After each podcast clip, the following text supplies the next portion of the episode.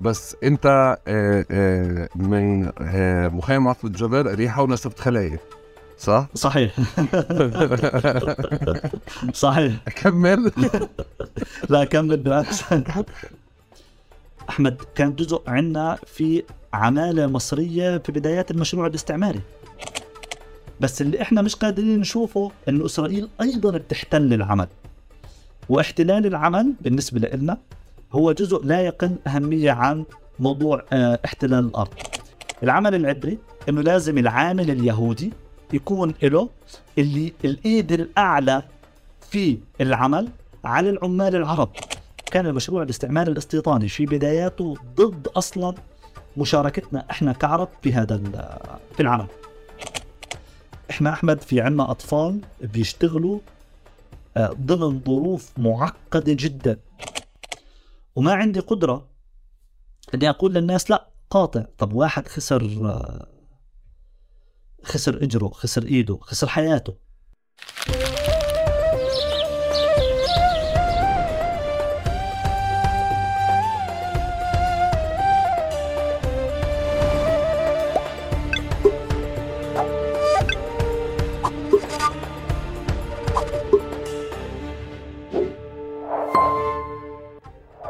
مرحبا واهلا وسهلا فيكم في حلقة جديدة من بودكاست تقارب. حلقتنا اليوم مع العزيز إيهاب محارمي.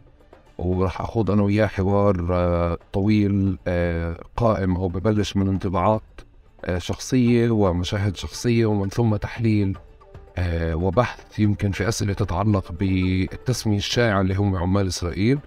واللي فعليا اللي هم يعني ممكن تختلف التسميات في الصحافة والإعلام وبالأكاديمية وبالبحث بس التسمية الشائعة هم عمال إسرائيل. بالعادة بيتم مناقشتهم أو بيتم اختزال نقاشهم من مكان سياسي من مكان اقتصادي من مكان اجتماعي كل حدا بتناوله من مكان. راح أجرب اليوم أنا وإيهاب نخوض في نقاشات في نقاش. آه، آه، العمال في داخل وخارج الخط الأخضر في مناطق 67 ومناطق 48 بس اللي بيشتغلوا بالمنشآت والمؤسسات الإسرائيلية.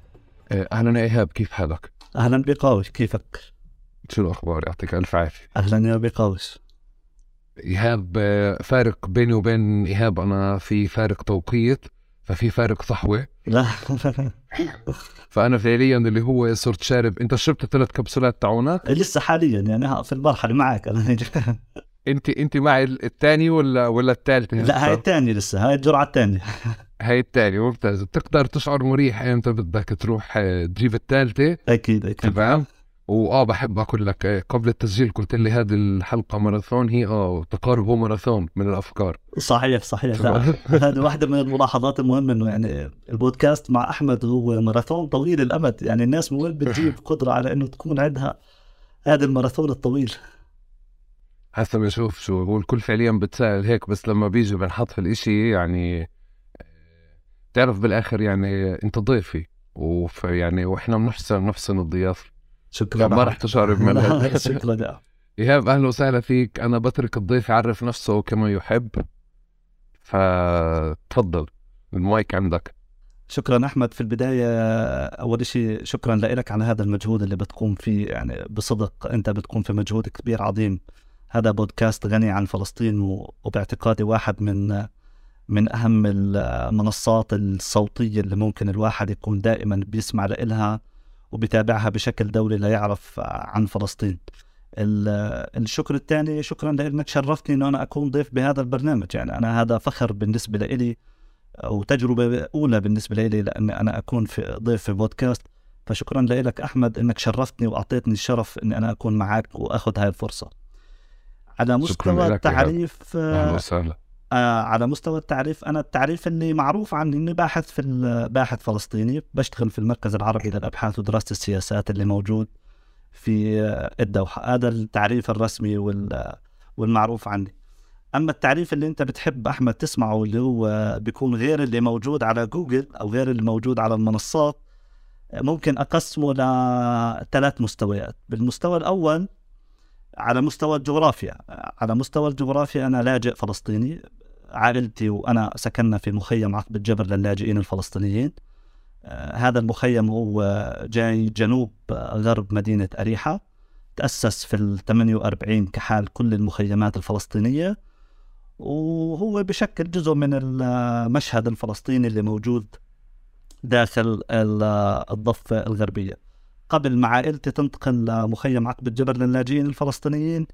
آه، بالأصل إحنا العائلة كانت آه، موجودة في قرية فلسطينية اسمها عجور. هاي القرية هي جاي شمال غرب آه، الخليل الخليل الكبرى في ذلك الحين. تهجرت عائلتي في في أكتوبر 1948 خاضت مجموعة من الأماكن ثم استقرت في مخيم عقب الجبر هذا المستوى الأول. المستوى الثاني اللي هو على مستوى العائلي أو الشخصي آه، أنا بنتمي لعائلة من طبقة وسطى.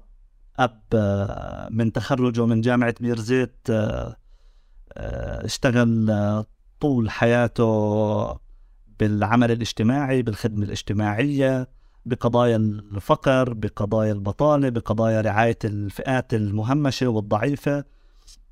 ابتداء من قبل أوسلو بالإدارة المدنية الإسرائيلية وصولا لعمله في وزارة الشؤون الاجتماعية في الضفة الغربية. ولأم أيضا تعمل في سلك التعليم المدرسي. أمي بتشتغل من يوم تخرجها من دار المعلمين في سلك التعليم المدرسي التعليم المدرسي للإناث. آه، عندي أخين وعندي أختين يوسف وسجا وروان ومحمد. يوسف آه وسجا وروان ومحمد بالضبط ما نسيناش أسمائهم. على مستوى شخصي أكثر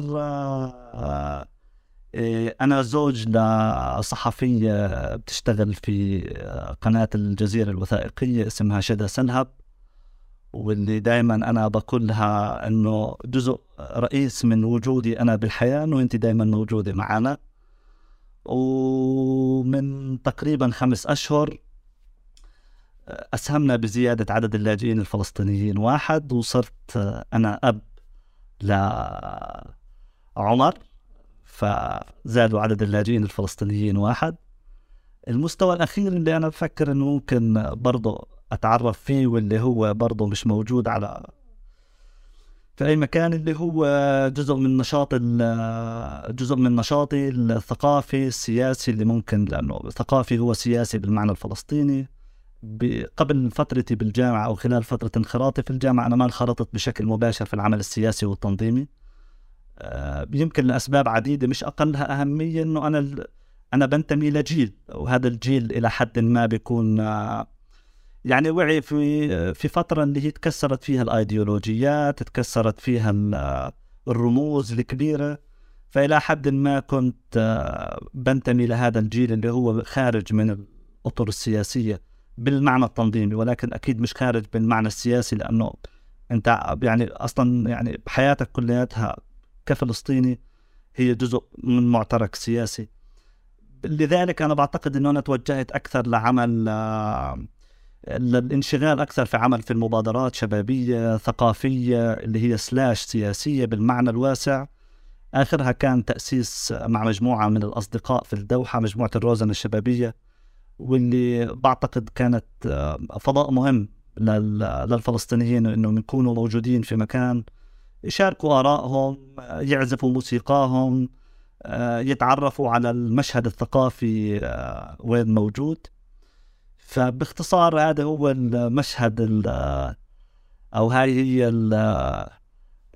المراحل اللي ممكن أنا انتقلت فيها بحياتي خلال الفترة اللي هي ممكن يكون جزء منها غير موجود على على جوجل أصلا. انت فعليا هيك إحنا بنقدر نسكر الحلقة تبع التقارب ونروح لا لا لا لأنه لأنه لأنه أنا لا أنا أنا أنت فعليا عرفت نفسك كما يحب تقارب يعني كما يحب بودكاست تقارب. إنه بالضبط آه أنا هيك بدي. آه بالعكس يعني هو جزء مهم من الفكرة من تقارب اللي هو إحنا نعرف المشهد اللي يعني ب ب يعني صعب إحنا يعني أنا بعرف أحمد عن طريق okay أنا بعمل جوجل أحمد بيقاوي فبتطلع لي عندي كل بس أنا ما بعرفش أحمد بيقاوي اللي هو من خارج آه، فهاي هاي هي واحدة من أهميات البودكاست اللي أنت بتقدمه. احمد طيب اسمع شو بدي أسألك سؤال. قبل ما ندخل على كيف بتحبش بما إنك أنت مستعد للفقرة الأولى هذه فبدي اضايقك شوية. ولك الخيار هون بنفع عن جد مش أضغط. بس أنت آه، آه، من مخيم عطف الجبل ريحة ونسبت خلايا صح؟ صحيح. صحيح. أكمل.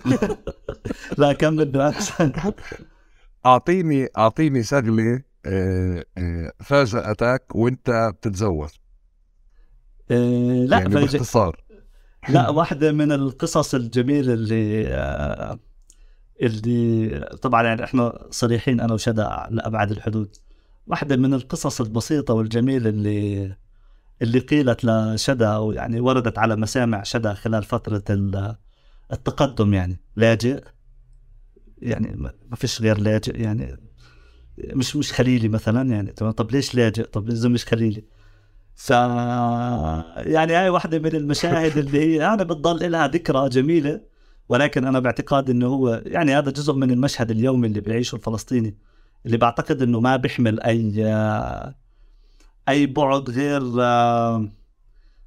يعني ما بيعم ما بيحمل أبعاد تانية يعني مفهوم. بس ولكن هو جزء من المشهد اليومي الحياة اليومية اللي الناس بتعيشها ف طيب إيهاب الجزء الثاني الجزء الثاني من السؤال كيف بتحبش كيف بتحبش يتم تعريفك؟ يعني ما عندي مشكلة مع ما بحبش اعرف احبش حدا يعرفني. يعني ما ما في مشكلة. ال- ال- يعني يمكن الشيء الوحيد اللي أنا ما بحبوش بحبش بحبش القوالب الجاهزة. بحبش بحبش أنحط في قالب جاهز بناء على على مواضيع معينة يمكن على جغرافيتك يمكن على شكلك يمكن على لونك يمكن على على عائلتك يمكن على طبقتك الاجتماعية. خلص ما بحب ما بحب هاي القوالب الجاهزة. في إمكانية إنه دائما نفتح حوار نفتح نقاش نتعرف على بعض أكثر نعرف آراء بعض أكثر. بعدين لك الحق بإنك أنت تبني التصور أو التخيل عن. بس القوالب الجاهزة دائما كانت بتشكل لي أزمة يعني من بداية مرحلتك بالجامعة لا لا يمكن اليوم يعني إنه إنه أوكي لا بلاش القوالب الجاهزة. خلينا دائما نحكي مع بعض أكثر نتقارب مع بعض أكثر بالمعنى التقارب. آه، نسمع بعض أكثر نسمع آراء بعض أكثر نسمع الناس أصلا وين آه، شو بتفكر أنت شو بتفكر شو الأسئلة اللي شاغلتك أكثر. فهي القوالب دائما هاي الجاهزة آه، واللي هي أشبه بالمعلبات. بحالة إيهاب شو القوالب الجاهزة هي اللي كانت هي كانت عليك؟ الق- القوالب اتنقلت يعني مش يعني مفهوم يعني آه بمرحلة الجامعة كان في قالب معين بأنه أنت آه أنت جاي من من أول شيء جاي من من مدينة أصلا مهمشة يعني. أنت يعني بالنسبة للوعي العام الفلسطيني أصلا مدينة مش موجودة على الخارطة يعني. أوكي من ريحه طيب أوكي. طيب ليش مش أسود؟ طيب okay. من مخيم؟ طب ليش كذا؟ تعرف هاي القوالب بتعيش معك بمراحل حياتك يعني. بس آه قدرتك على إنه لا إنه نتصارح أنا وياك. يعني أنت ما في أي عائق بيكون على إنه إنه هاي القوالب دائما تكون عائق ما بيني وما بينك بإنه تحصر تفكيرك في في مكان معين. ويعني أنا بقدر أقول الحمد لله إنه جزء, جزء كبير من هاي القوالب تجاوزتها. جزء من القوالب اللي كان مريت فيها أصدقائي إنه أصدقائك محسوبين على تيار معين. فأنت اوريدي موجود في هذا التيار. لا يعني أصدقائي موجودين في تيار معين بس أنا مش مش موجود في هذا التيار. أنا بسمع لهذا التيار بس مش ضروري إن أنا أكون في هاي في هاي المساحات. فهي هاي القوالب الجاهزه اللي هي بتستسهل علينا وتستسهل على المتلقي بأنه خلاص okay. في قصص طريفة طبعا يعني بس يعني هاي هي القوالب الجاهزه دائما اللي تستسهل علينا دائما التفكير في قضايا معينة. okay. إيهاب قبل ما أسألك إمتى اكتشفت فلسطينيتك آه بدي استغلك وأس... وأسأل سؤال ليش الصورة النمطية عن اريحا بإنه هي بعيدة. فدائما فكرة إذا حدا رمى حجر بصير في حفلة بعموم فلسطين إذا طلعوا اربعه مسلحين في المخيم بتصير في إعلان كتيبه بعموم فلسطين إنه يعني قصة كتير كبيرة. ففي هذه النظرة اللي مش متأكد إذا هي واقع فعليا امتد على مدار السنين وتشكل. ولا صور نمطية يعني من الصور الكتير اللي كل بلد هيك بتم آه، بتنعطى ليبل وإحنا بنت- بنتوارثه. لا هو أنا بعتقد إنه في بعد سياسي مهم في الموضوع يعني ابتداء من فترة الانتداب البريطاني في فلسطين. آه، كانت أي شخصية بدها تنفى في فترة الانتداب الفلسطيني البريطاني على فلسطين ترسل إلى اريحا يعني هذا بتعبير مكاني إنه هاي المنطقة أصلا نائية جغرافيتها بعيدة آه، طبيعتها ال- آه، الطقس فيها آه، صعب جدا. فمن هون وبعتقد إنه آه، حتى خلال آه، بعد الانتداب خلال فترة الاحتلال الإسرائيلي المباشر ضلوا بيتعامل مع المدينة هاي بنفس الطريقة. ووصولا ل يعني وصولا لحتى فترة أوسلو. يعني فترة أوسلو التعامل مع هاي المدينة بوصفها منطقة عسكرية أمنية أكثر مما هي يعني تعامل معها بوصفها مدينة فيها خزان ديموغرافي بشري آه، مؤهل آه، وهذا يمكن ينعكس على مخيماتها يمكن ينعكس على كل الطبيعة الجغرافية اللي موجودة في هذا المكان. فلا أنا بعتقد أنه الجزء من الوعي ال- الشعبي تشكل نتيجة انعكاس سياسي بالتعامل مع هذه المنطقة بوصفها دائما منطقة نائية ومهمشة. okay. آه طيب في آه عندي فضول صار كبير أعرف أنت على كيف هيك يعني آه مرتاح وأنت خايض أو خايض اسئله كفاية بينك وبين حالك وصفتها. كيف اكتشفت أو كيف صارت فلسطينيتك؟ أو شو الحادث اللي عززت أو عملت لك مشكلة مع إسرائيل؟ أو عملت لك يعني سؤال فلسطين؟ هو بحالة كل فلسطيني هي إسرائيل حدث يومي آه، آه، بيواجهه بحياته. فيعني يمكن ما يكون في أحيانا قصص بس أنا باعتقادي بحالتي أعتقد الانتقال من آه، من السكن في مدينة أريحة إلى السكن في مخيم عقب الجبر للاجئين الفلسطينيين في عام 1998 تقريبا طرح أول سؤال إنه شو معنى إنه أنت إنه أنت قبل ال... قبل أول شيء عمريا ما كنتش أصلا يعني بتفكر في هذا السؤال يعني. بس لما انتقلت على المخيم بلشت تطرح هذا السؤال لأنه المخيم جغرافيته بتساعدك تطرح هذا السؤال من ناحية المكان ومن ناحية المجتمع اللي أنت موجود فيه. تزامن هذا الانتقال أنا باعتقادي مع الانتفاضة الفلسطينية الثانية انتقلنا بال 98 والانتفاضة بدأت فعليا بال 2000 فجزء كبير من المشاهد والصور اللي تشكلت آه، واللي ساهمت في الوعي هذا هي كانت الانتفاضة الفلسطينية الثانية. وطبعا أنا باعتقادي فضلا عن المشاهد اليومية اللي كل فلسطيني أصلا كان بيشوفها بشكل يومي من مشاهد القتل الإسرائيلي من مشاهد تشييع جثامين الشهداء كان جزء كبير من الشهداء في المخيم تشيع جثامينهم. طبعا كباقي المخيمات في في فترة الانتفاضة الفلسطينية الثانية بس على الصعيد الشخصي أنا باعتقادي كان في حدث شهري بشوفه قدام عيوني وكنت جزء منه وكان بيحصل دائما أمام البيت اللي هو بذكرك بمأساتك الفلسطينية اللي هو تسلمك للإغاثة أو تسلمك للمعونة الاجتماعية اللي بتقدمها وكالة غوث وتشغيل اللاجئين الفلسطينيين. إحنا كنا بشكل شهري من الفترة 2000 تقريبا لل 2005 بنستلم هاي المؤن اللي هي عبارة عن الطحين السكر الزيت ال- كذا فبوصفي آه، ال- الكبير في هذه العائلة فكنت جزء مهم من إني أنا أكون موجود في هذا المشهد. ولغاية اليوم بستحضر المشهد إنه إحنا في مجموعة من من اللاجئين الفلسطينيين اللي موجودين أمام شاحنة كبيرة. موجود عليها هذه المؤن أو الاعاشة اللي بتتقدم للناس والناس بتستنى تسمع اسمها. يعني كنت أنا بستنى أسمع اسم والدي على أساس أروح أقول له إنه أنا هيني موجود وأعطيني وأعطيه كرت المؤن على أساس آخذ حصتي وأرجع على البيت.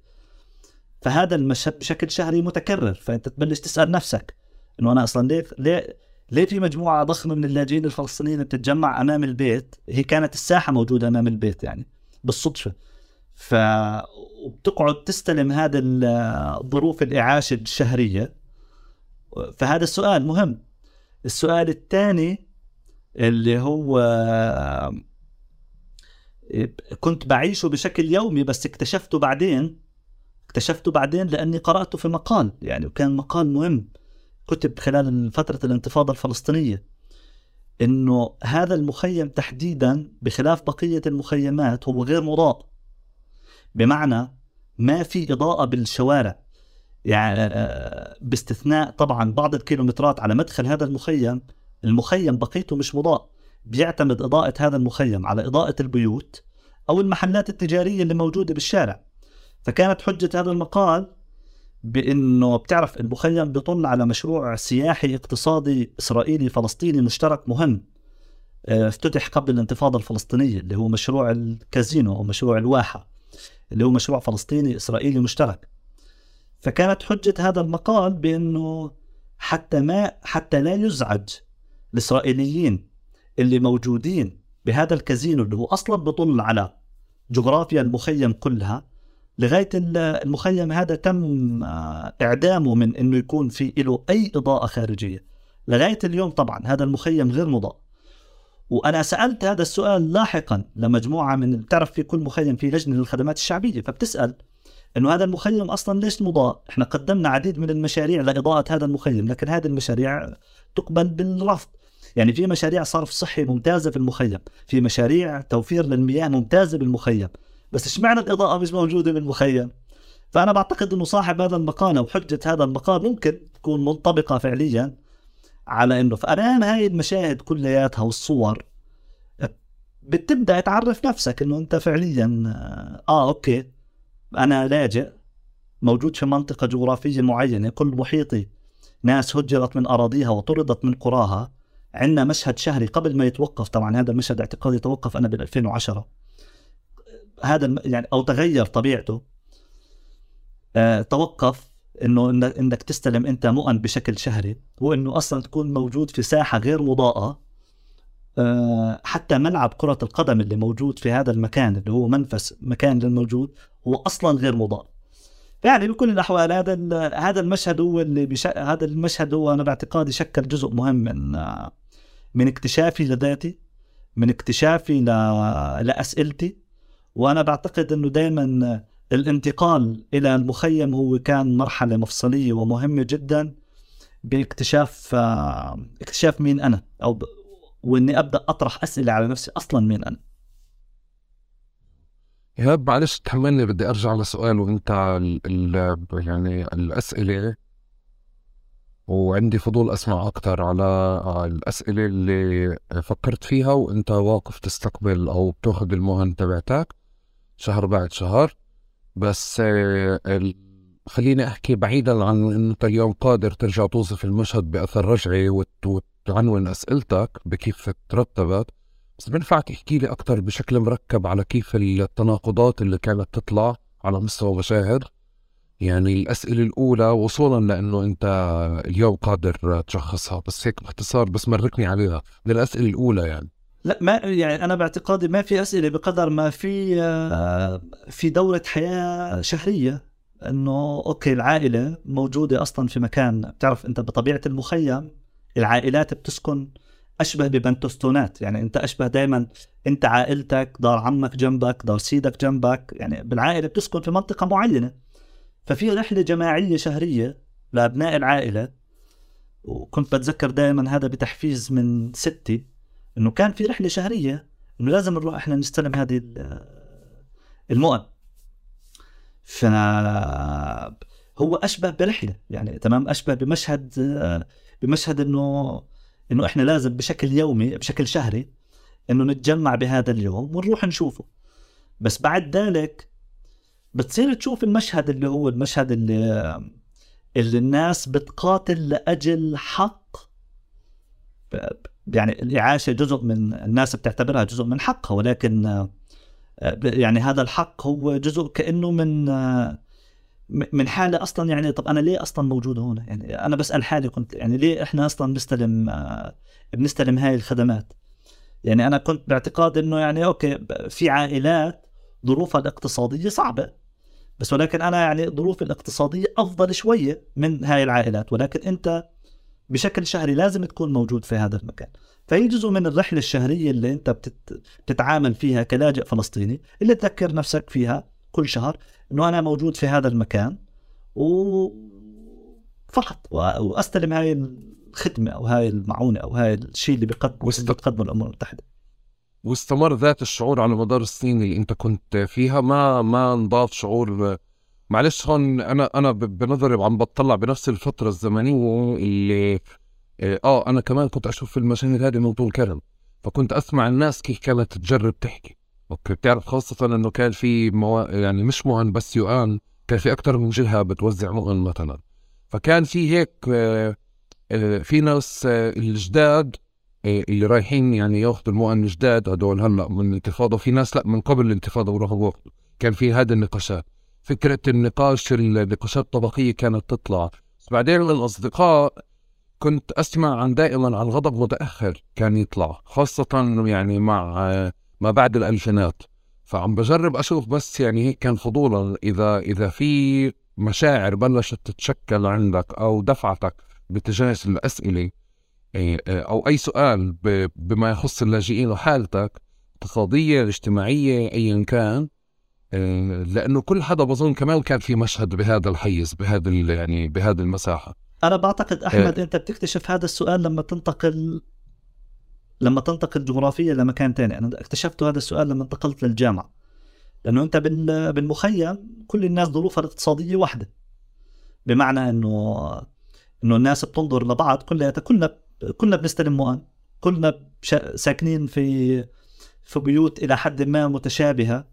كلنا ظروفنا الاقتصادية واحدة بس أنت لما تنتقل للجامعة وتكتشف أنه لا في طبقات اجتماعية في المجتمع هي أعلى منك وفي ظروف اقتصادية لبعض الطلبة هي أفضل منك يعني في طالب كان بيجي على الجامعة بسيارة.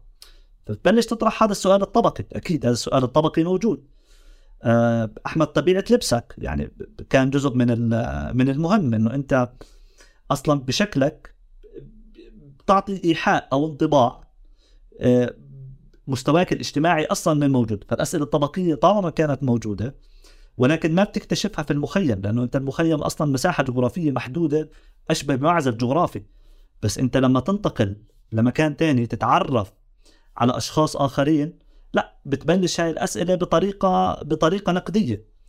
تكبر أكثر بتشوف ناس أكثر بتسافر أكثر بتزور مخيمات أصلا خارج فلسطين بصير السؤال ينطرح بطريقة أكثر نقدية. بس بالمعنى الأول لا أنت الناس كلياتها مستواها الاجتماعي واحد آه، آه، طبقيا واحدة فكلياتنا بنتشارك بالهم واحد. فيعني أصلا جزء من تضامننا الاجتماعي مع بعض إنه إحنا أصلا نتشارك بالهم الاجتماعي واحد. أوكي. طيب إيهاب شكرا شكرا. وكان مهم هيك الإضاءة هذا الجانب بشكل غير متوقع مش محضرينه أنا وياك ابدا. بس أنا بظن إنه هذا كتير يعني على آه له صلة وعلاقة بموضوعنا بشكل مباشر يعني بأسئلة كتير رح نطرحها. إيه، طيب أنا قلت لي أنت خبرتني على موضوع عمال إسرائيل إن السؤال بلش عندك أنت ب 2019 خلال كورونا 2019 2020 إيه، أنا بلش عندي بدي يعني أشاركك أنا شو من وين بلشت الأسئلة عندي. بس يمكن كان ما قبل الانتفاضة ب... ب... كسكان طول كرم أنا بس الأصل من الكفين فكان في مشاهد وصور دائما نشوفها من إنه فوارق طبقية بس فوارق على مستوى lifestyle على مستوى نمط حياة أكتر. بمعنى اللي اللي بيجي من جوا أو بيشتغل جوا هو أفيع هو إيه بالليل لما بده يلف لفة في البلد بكون لابس أنظف بكون عامل شعره بطريقة ما. إيه، كان مثلا في الشيء اللي الناس بتسمع فيه عبري. إيه، إيه، وقليل الناس اللي بتستهجن بس كمان عندها استهجان بس ما عندها شو تقول أو شو تفكر. بس بذكر حتى في قفين بالقرى بطول كرم كان كمان هذه الصور موجودة إنه مثلا أنت تلاقي سيارة مش غريب إنه في حدا مشغل عبري. بس كمان لإلي بذكر مرة ومرتين لأنه يعني كنا أحيانا نطلع من دار سيدي لطول كرم بدري.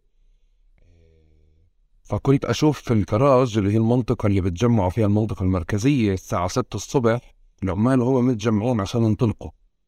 فهون أنت بتلاقي إنه في مستوى لما صحيت بدري مرة لقيت إنه في مستوى من الحياة مفتوح للناس هيدي يعني بمعنى في محل فلافل بفتح لإلهم ببيع هو بسكر بهذا المنطق. غير المشاهد الليلية اللي أنا كنت أشوفها أو المشاهد النهارية أو أو المستوى الثالث اللي أنا كمان لإلي أثار آثار مشاهد هيك اللي هو فكرة إنه في فوارق آه، طبقية اجتماعية لإلي وأنا صغير كنت أتعامل معها إنه اللي بيشتغل جوا هو في امتياز أكثر عنده امتيازات أكثر غير طبعا بالنسبة لطفل كل package ال lifestyle والأغاني والكذا كلها هذه يعني إشي ملفت ومغري ممكن يكون.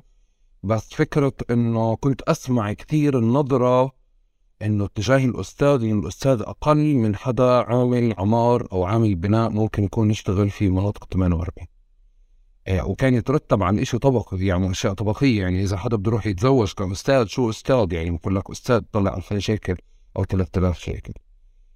إيه إيه أنا جزء كبير من أسئلتي طالع من هون والنقطة اللي, اللي بحب أحكي لك إياها كمان إنه حسن حظي إني بلشت أصب قهوة من ال 94 في محل أبوي. فالسبت والأحد كانوا بيجونا يعني بيجونا يهود بيشتروا من عنا وعرب 48 و... والنقطة الثانية إنه أنا كنت أشوف الاحتكاك تبع المعلم بس يجي من جوا ومع عمال فلسطينيين. فهو جزء من المقاول لما بيجي قوته الاجتماعية لما بيجي بيشتروا منها أو كذا إنه بكون له عمال. أوكي؟ والعمال كمان هذول مرتاحين مع حالهم وكذا وهيك. طبعا أنا بدي أكتفي بهون بهذه الصور. اللي ما غادرتني طوال فترتي. إيه، واحد من الأسئلة اللي دائما كانت تستفزني إيهاب خاصة في مصر. كنا مرة في مناقشة فيلم ففي حدا طرح سؤال إنه ما أنتم بتشتغلوا أصلا عند الإسرائيليين؟ إيه، إيه، لحينها بظن إنه أنا كنت عاجز جدا عن عن الإجابة. وكنت شخص متهور بشكل التعاطي مع هي السؤال بالعلن يعني. أخذني وقت لأبلش أفكر لحالي بس أنا هذا الخلفية اللي طول الوقت رح أضل أنسق فيها بالحلقة. إيه إيه أنا غريب جدا لإلي إنه انت مثار السؤال عندك 2019 إيه ومن هون بدي أبلش معك. صحيح. ليه؟ أنا على المستوى يعني المهني البحثي أنا باعتقادي كان السؤال بدأ ب 2019 مع مشاهد إنه إنه إحنا بنصارع الموت. يعني كلياتنا في كل مكان بالعالم إحنا بنصارع الموت. كان المشهد بالنسبة لي اللي مقلق إنه في إحنا شريحة من بقية شر... بخلاف بقية شرائح المجتمع. بقية شرائح المجتمع الفلسطيني نحكي عن فلسطين لأنه بلاش كوفيد 19 هو حالة عالمية بس بنحكي عن فلسطين. بخلاف بقية شرائح المجتمع العمال سائقين التكاسي يعني العمال المهرة أو غير المهرة اللي بيشتغلوا بوظائف بناء على مهرة أو غير مهرة جلسوا في بيوتهم على أساس يحموا نفسهم يحموا عائلاتهم من من الموت اللي كلياتنا كلها شايفينه أمامنا بخلاف كل هاي الشرائح اللي كانت موجودة في المجتمع كان في شريحة واحدة كانت أشبه بكرة ال ping pong ما بين سلطة الاحتلال وما بين السلطة الفلسطينية. هذه الشريحة كانت مثار آه، نقاش وتصريحات متبادلة بأنه المستعمر الإسرائيلي هدد هاي الشريحة بأنه إذا ما ترجعوش أو إذا ما تتوقفوا عن العمل في إسرائيل خلال فترة كوفيد 19 فإحنا في إمكانية أنك أنت تخسر عملك. عملك اللي جزء كبير من المشاهد اللي أنت حكيتها اللي هو بحسن وضعك الاقتصادي بخليك آه بخليك طبقيا جيد بخليك تقدر تدير حياتك اليومية بطريقة جيدة. بخلاف ذلك السلطة الفلسطينية كانت بتقول بأنه لا أنا جزء مهم من وقف تفشي كوفيد 19 بإني أنا أوقف اللي بين قوسين بيروحوا بيروحوا بيجوا يوميا ما بين حدود دولتين لأنه هذول بيساعدوا ما بين قوسين على انتقال هذا الفيروس. فما بين هاي التصريحات اللي استمرت فترة طويلة وما بين هاي الخلافات وجدت شريحة العمال نفسها بخلاف بقية شرائح المجتمع إنه هي مش عارفة شو تعمل. هي بدها تشوف المستعمر الإسرائيلي وترد عليه لأنه فعليا ممكن تفقد عملها. أو بدها تشوف الخطاب اللي كان موجود لدى السلطة الفلسطينية إنه أنتم تحموا عائلاتكم تحموا بيوتكم تحموا المجتمع الفلسطيني. سيما إنه إنه السلطة لطالما تحججت بإنه أول حالة موت آه لامرأة فلسطينية كبيرة بالعمر كانت عن طريق ابنها اللي نقل لها وهو عامل فلسطيني بيشتغل في مستوطنة عطروت الاسرائيلي فكانت الحجة أقوى. فالشريحة هاي وجدت نفسها بأنها أمام أمام فكين سلطه المستعمر من جهة والسلطة الفلسطينية من جهة. قبل ما تنتهي القصة باتفاق فلسطيني إسرائيلي مشترك بأنه خلص بنسمح لمجموعة العمال بأنهم يرجعوا على بيوتهم. وخلال هاي الفترة أنت بتكتشف بأنه أوكي في شريحة معينة هي مهدور حقها. بس لما ترجع بالصورة بعدين تصير تفكر بالموضوع بطريقة نقدية خلال هاي الفترة. بتصير تستحضر كثير من المشاهد اللي انت تحدثت عنها. وجزء مهم أزيد على الكلام المهم اللي انت حكيته إنه هاي العمالة الفلسطينية جزء منها هي أقربائنا وهي أصدقائنا. بمعنى أنا ببدأ أتذكر مين أصلا من أقاربي هم أصلا عمال فلسطينيين في إسرائيل. بعدين ببدأ أتذكر بطريقة بطريقة أرجع فلاش باك لورا إنه أصدقائي أنا أصلا جزء كبير منهم هم أصلا عمال فلسطينيين في إسرائيل جزء منهم أصلا أكمل دراسته وجزء منهم ما أكمل دراسته. فهم جزء من هذا المجتمع الكبير اللي اللي أنت بتحكي معاه بشكل يومي كنت تروح بشكل أسبوعي من الجامعة تحكي معاه بشكل أسبوعي ويشاركك همومه يعني هو بشكل أسبوعي أنت آخر الأسبوع الناس بتتجمع هو بيحكي عن همومه بالعمل. فبتصير كل هاي المشاهد والصور ترجع لك من أول وجديد. بتصير أنت تفكر فيها بطريقة من أول وجديد. آه okay. لا إحنا في عنا قضية وهاي القضية هي فعلا مهمة. بعدين تبدأ تفكر طيب okay هاي القضية هي ما انولدت معنا من كوفيد 19 لأنه أنت أصلا عندك مشاهد أنت ربيت أنت كبرت معاها. وبعدين لما تصير تتوجه للقراءة أكثر بتعرف إنه هذا جزء من ال يعني رح نحكي أكثر بس هذا جزء مهم من المشاهد اللي كانت موجودة طول صراعنا مع المستعمر الصهيوني من اليوم الأول اللي بدأ فيه هذا المشروع الاستعماري.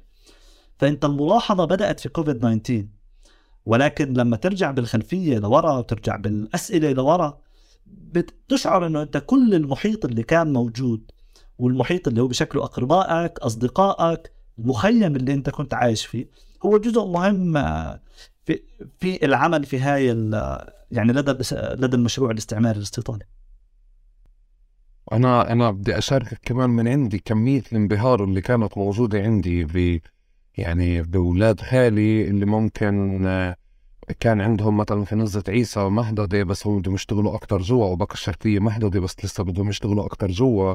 فكان في ما بيني أنا اللي عند أبوي محل فطول كرم بدي أنزل أشتغل عندهم في المحددة عشان أكون الاحتكاك أكتر من مكان انبهار كتير آه، يعني بكل فكرة هذا الشخص الآخر. أنا لسه وعيت مؤخرا على جزء كبير من انبهاراتنا بال. بكل ما هو إسرائيلي. طالعة من فكرة إنه إحنا محاصرين بس ما بنعرف حالنا محاصرين. يعني أحيانا جزء من استراتيجيتنا للبقاء في فلسطين على مستوى فكرة وعلى مستوى أرواح وإرسال إنه ننفي فعليا إنه إحنا محاصرين. عشان نتجاوز الحصار. بس إحنا موجودين تحت حصار حقيقي. جزء كبير من النتائج من النتائج اللي إحنا بنتعاطى معها اليوم هي نفسية محاصر إجاله واحد من برا. شافه في المحددة ولا شافه في كذا.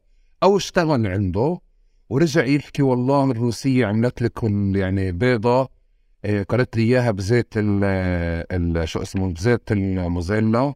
موزيلا؟ زيت شو اسمه؟ زيت إيش اللي زيت الذرة إيهاب زيت ذرة بتعرف انه إحنا متعودين على زيت الزيتون زيت ذرة وكانت ما أزكاها وما فبتحس إنه في طول الوقت بيرجعوا بصور انبهار صور انبهار. ضلت هذه الصور عندي. أنا بظن هلأ هون وبدي أرجع لورا أنا وياك أكثر. ما قبل الانتفاضه لما شفت إنه آه في يوم اللي بكون فيه العمالة الآسيوية. آه في طول كرم كنا نشوفها لما كانت تيجي تتجول على البسكليتات وتقضي يوم في طول كرم. لأنه كان غريب مين هدول الصينيين اللي جايين يعني. خير إن شاء الله. إحنا يعني يعني عودين ابدا. ولا صينيين على بسكليتات. أصلا جايين على بسكليتات صينيين وكذا. بأطفال لما بيسألوا هذه الأسئلة كانوا يقولوا إنه هدول عمال جوا. فجزء من المشهد تبع الانبهار بصورة الشخص اللي بيشتغل جوا زي جابوا لنا إياها الصور الصينيين اللي إجوا وفكرة إنه هدول بيشتغلوا بالمعامل على مدار الست أيام. آه، بس في يوم عندهم بنعطوا اللي هو يوم الإجازة وهو بيختار إنه يجي يقضيها فطور كريم فبالنسبة لي جزء من أسطورة العمل جوا كأنك كطفل انكسرت هذه الفترة اللي إحنا بنحكي عنها لما اسرائيل كانت معنية يمكن أكثر بتعطي الإدارة الذاتية للسلطة وتنعزل وتوقف فعليا اعتماد على عمال عمال فلسطين وأظن كان في زيادة بقضية العماله الآسيوية. هو آه، قضية العمالة الأجنبية نتحدث عنها. عمالة أجنبية ها. أي عمالة أجنبية كانت آه، خلال المشروع الاستعماري الاستيطاني أحمد هي من اليوم الأول. يعني يمكن المشهد إحنا شفناه وطبعا هو غريب بالنسبة لي أنا أشوف صيني موجود في في اريحا يعني طب هذا شو بيعمل؟ هذا الصيني يعني تمام؟ شو جاي يسوي عندنا في المخيم؟ يعني. ف آه، بس جزء مهم من آه، من هاي ملاحظه كثير مهمة وممكن تتعالج بسياقها التاريخي. إنه جزء مهم من العماله الأجنبية آه، اللي كانت لاحقت المشروع الاستعماري من اليوم الأول فشلت الفكرة. فشلت الفكرة بكثير من المراحل. بمعنى إسرائيل هي مش دولة عمل مش دولة مهاجر مش دولة عمل مش دولة عمل. يعني بإسرائيل مش دولة بتشبه الدول الطبيعية اللي عندها موارد طبيعية ضخمة أو موارد صناعية كثير ضخمة ومهمة وبتعتمد فيها على عمل المهاجرين من الخارج. لطالما كان المشروع الاستعماري الاستيطاني بيعتمد على هاي المع... على العمالة المهاجرة أحمد كان جزء عندنا في عمالة مصرية في بدايات المشروع الاستعماري. تمام؟ هم مش يهود ولا عمالة مصرية. في في, في 1920 كان في عندنا جزء من العمالة المصرية اللي موجودة في في فلسطين الانتدابية. طبعا وصولا لليوم شفنا العمالة الآسيوية وقبل فترة حتى كان في إنه إحنا لازم بدنا نجيب كمان مجموعة من العمالة الآسيوية. بس بالنسبة للمشروع الاستعماري أحمد مثل ما حكيت إسرائيل مش دولة عمل مش دولة هجرة أصلا إلى العمل يعني ما عندها هاي الموارد. اثنين أحمد تكلفة العامل المهاجر عالية جدا. آه ليه؟ لأنه بالنسبة لرب العمل أنا بدي أجيبك بدي أعمل لك تصريح عمل. وبدي أوفر لك مكان إقامة. صحيح وبلا بلا بلا بلا بلا ثلاثة المهم أحمد إنه إسرائيل مش دولة طبيعية يعني مش دولة مواطنة. يعني إسرائيل أنا ما بجيش عندك بقعد عشر سنين خمس سنين. أنا مش يهودي. باجي من الصين باجي من أي مكان بالعالم.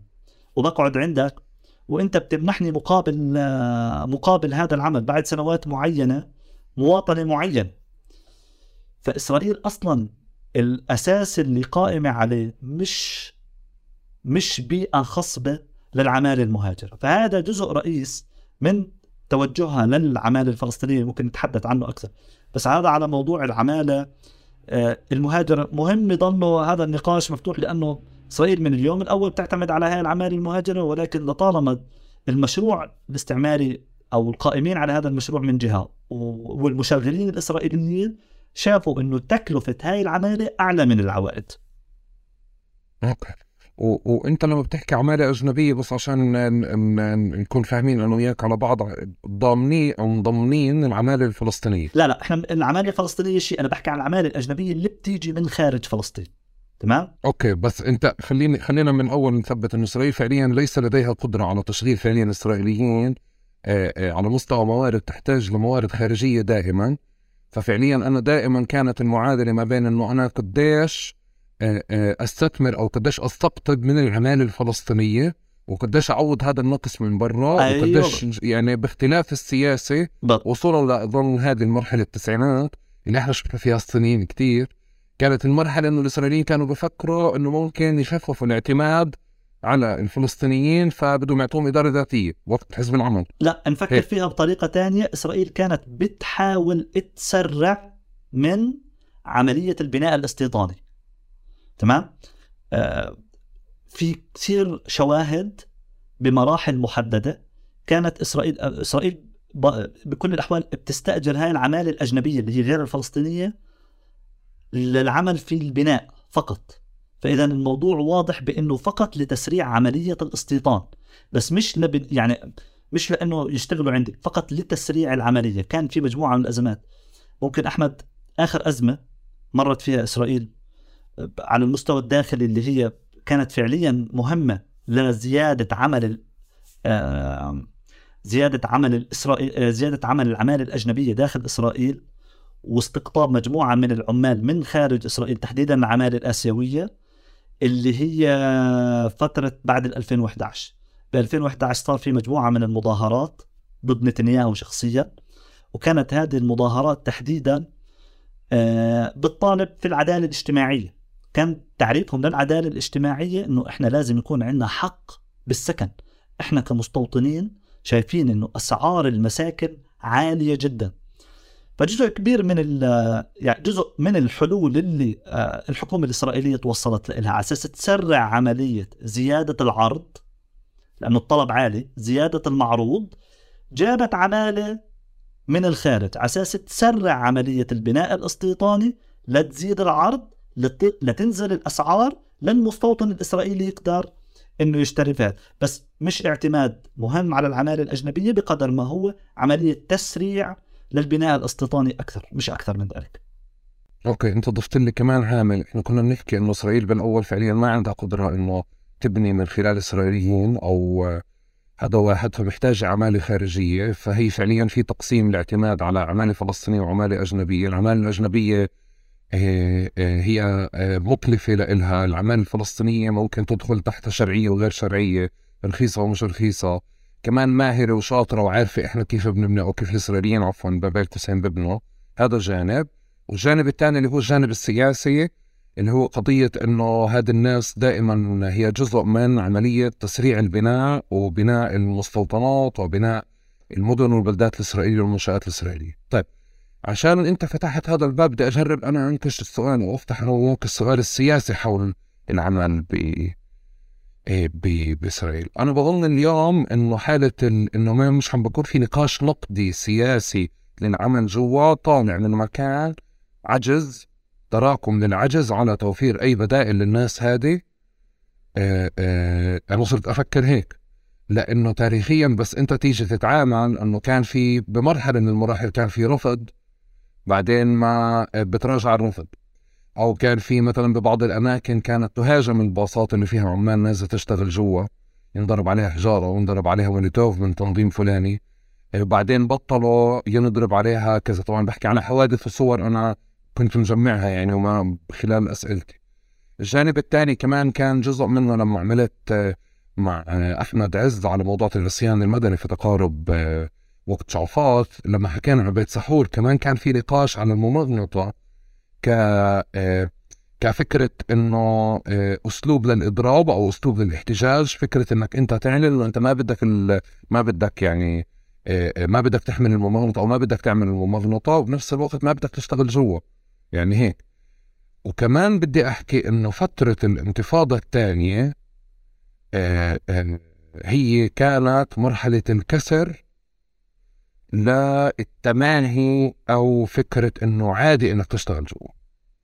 عادي إنك تكون تيجي أنت والمعلم تبعك على طول كرم تستقبلوا بدارك في المكان الفلاني عادي إنك أنت والمعلم تيجي آه تجيبوا على عرسك عادي إنه أنت آه عفوا مش عادي مش عادي إنك أنت تجيبه على عرسك مش عادي إنه يجي يزورك مش عادي إنه الإسرائيليين يتجولوا ومش عادي هاي العلاقة تكون موجودة. من غير ما حدا ياخذ قرار سياسي صار في إشي سياسي فعليا. شكل جديد للعلاقة وشكل جديد ل خليني أحكي هيك فكرة إنه عن جد إحنا زينا زي هلأ إذا بدي أتخيل زينا زي العمال الصينيين. بيجي اشتغل جوا عشان يرفض راتبه وبرجع. آه، ومهما كان في بعد إنساني أو بعد شخصي أو اجتماعي بضل محدد خارج نطاق مناطق الضفة بشكل أساسي.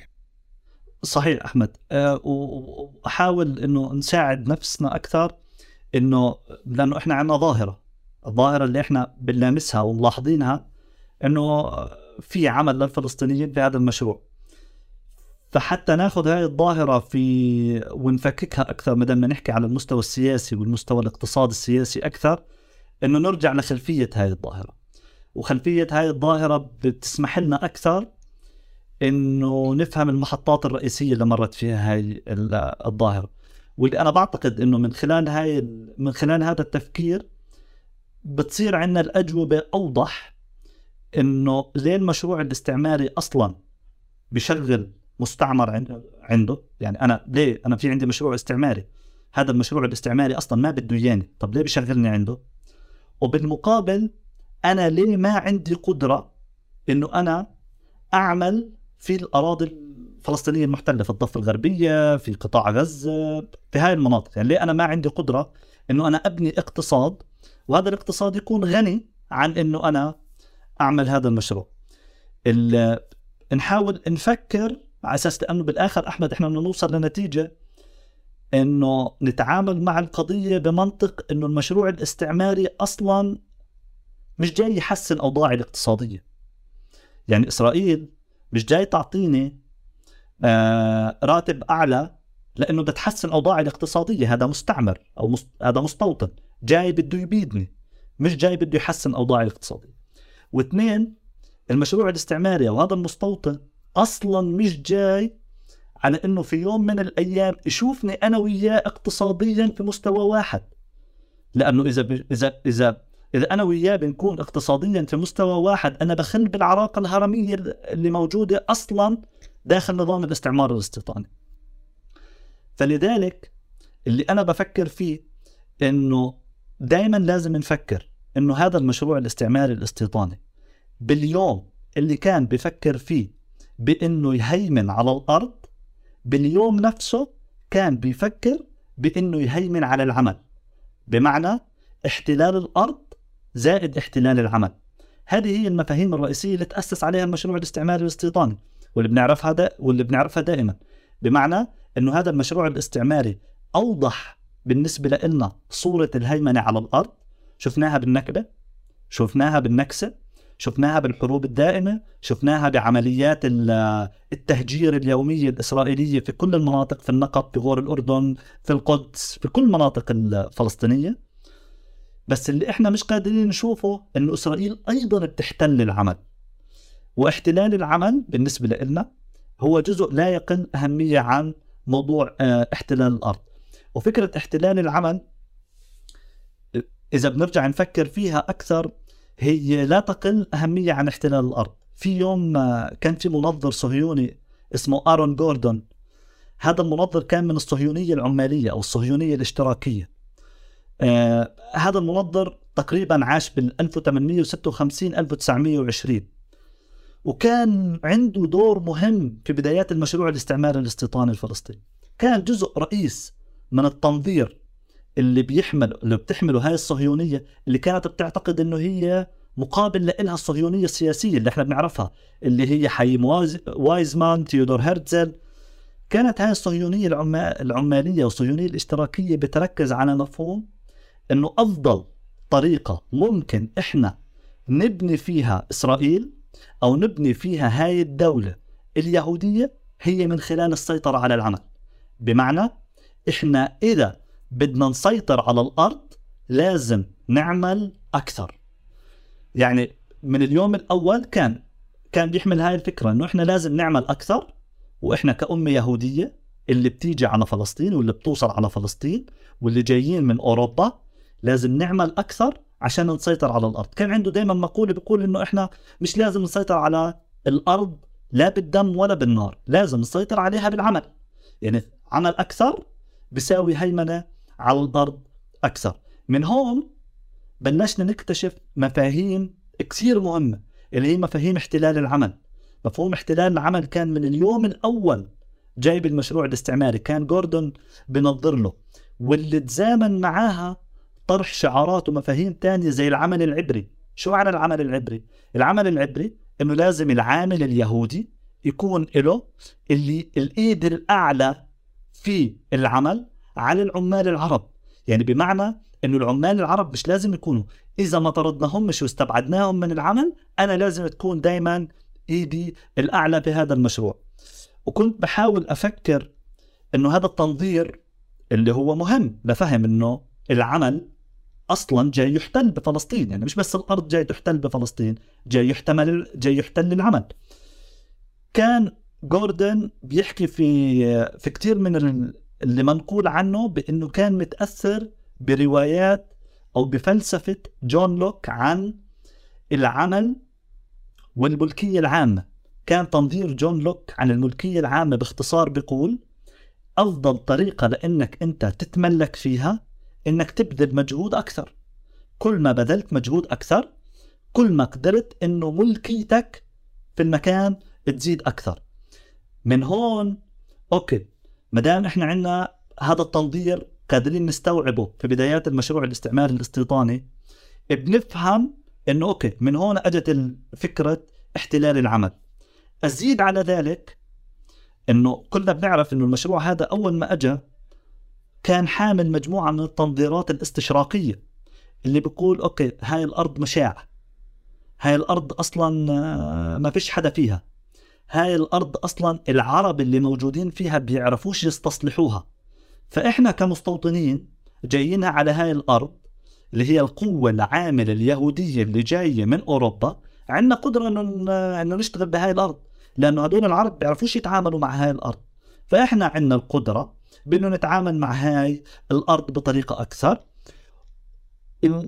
ونزرع هاي الأرض ونستصلحها ونطورها. بس الملفت للانتباه بأنه هاي الأفكار اللي هي بسيطة إنه أوكي عمل أكثر يساوي ملكية أعلى واجهت ثلاث مشاكل وإنت تعرجت على جزء من هاي المشاكل. وهذول الثلاث مشاكل كانوا من بداية المشروع الاستعماري واضحين بالنسبة للمستوطن الإسرائيلي أو بالنسبة للمستوطن الصهيوني. المشكلة الأولى المعرفة. هذا المستوطن جاي من أوروبا.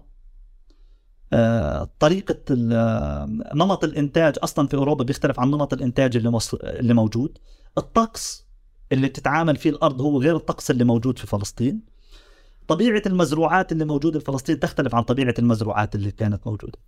فقلة خبرته وقلة درايته كانت أول مشكلة بتواجه جوردون واللي نظروا معه المشكلة الثانية كانت تكلفة العمل. تكلفة العامل اليهودي. العامل اليهودي من اليوم الأول اللي أجا هو جاي من جاي على أرض العسل لأنه هو وعد بأنه يجي على أرض العسل اللي يكون فيها موارد أكثر قدرة على العمل أعلى إمكانية للملكية أكثر. فطالب العامل اليهودي من المشغلين اليهود في ذلك الحين راتب أعلى من العمال العرب. فكانت هذه مشكلة للمشغلين المشغلين اليهود. المشكلة الثالثة إنه أوكي ما دام عندنا إحنا مشكلة ب انه الدراية بالنسبة للعمال الجايين من أوروبا هي سطحية.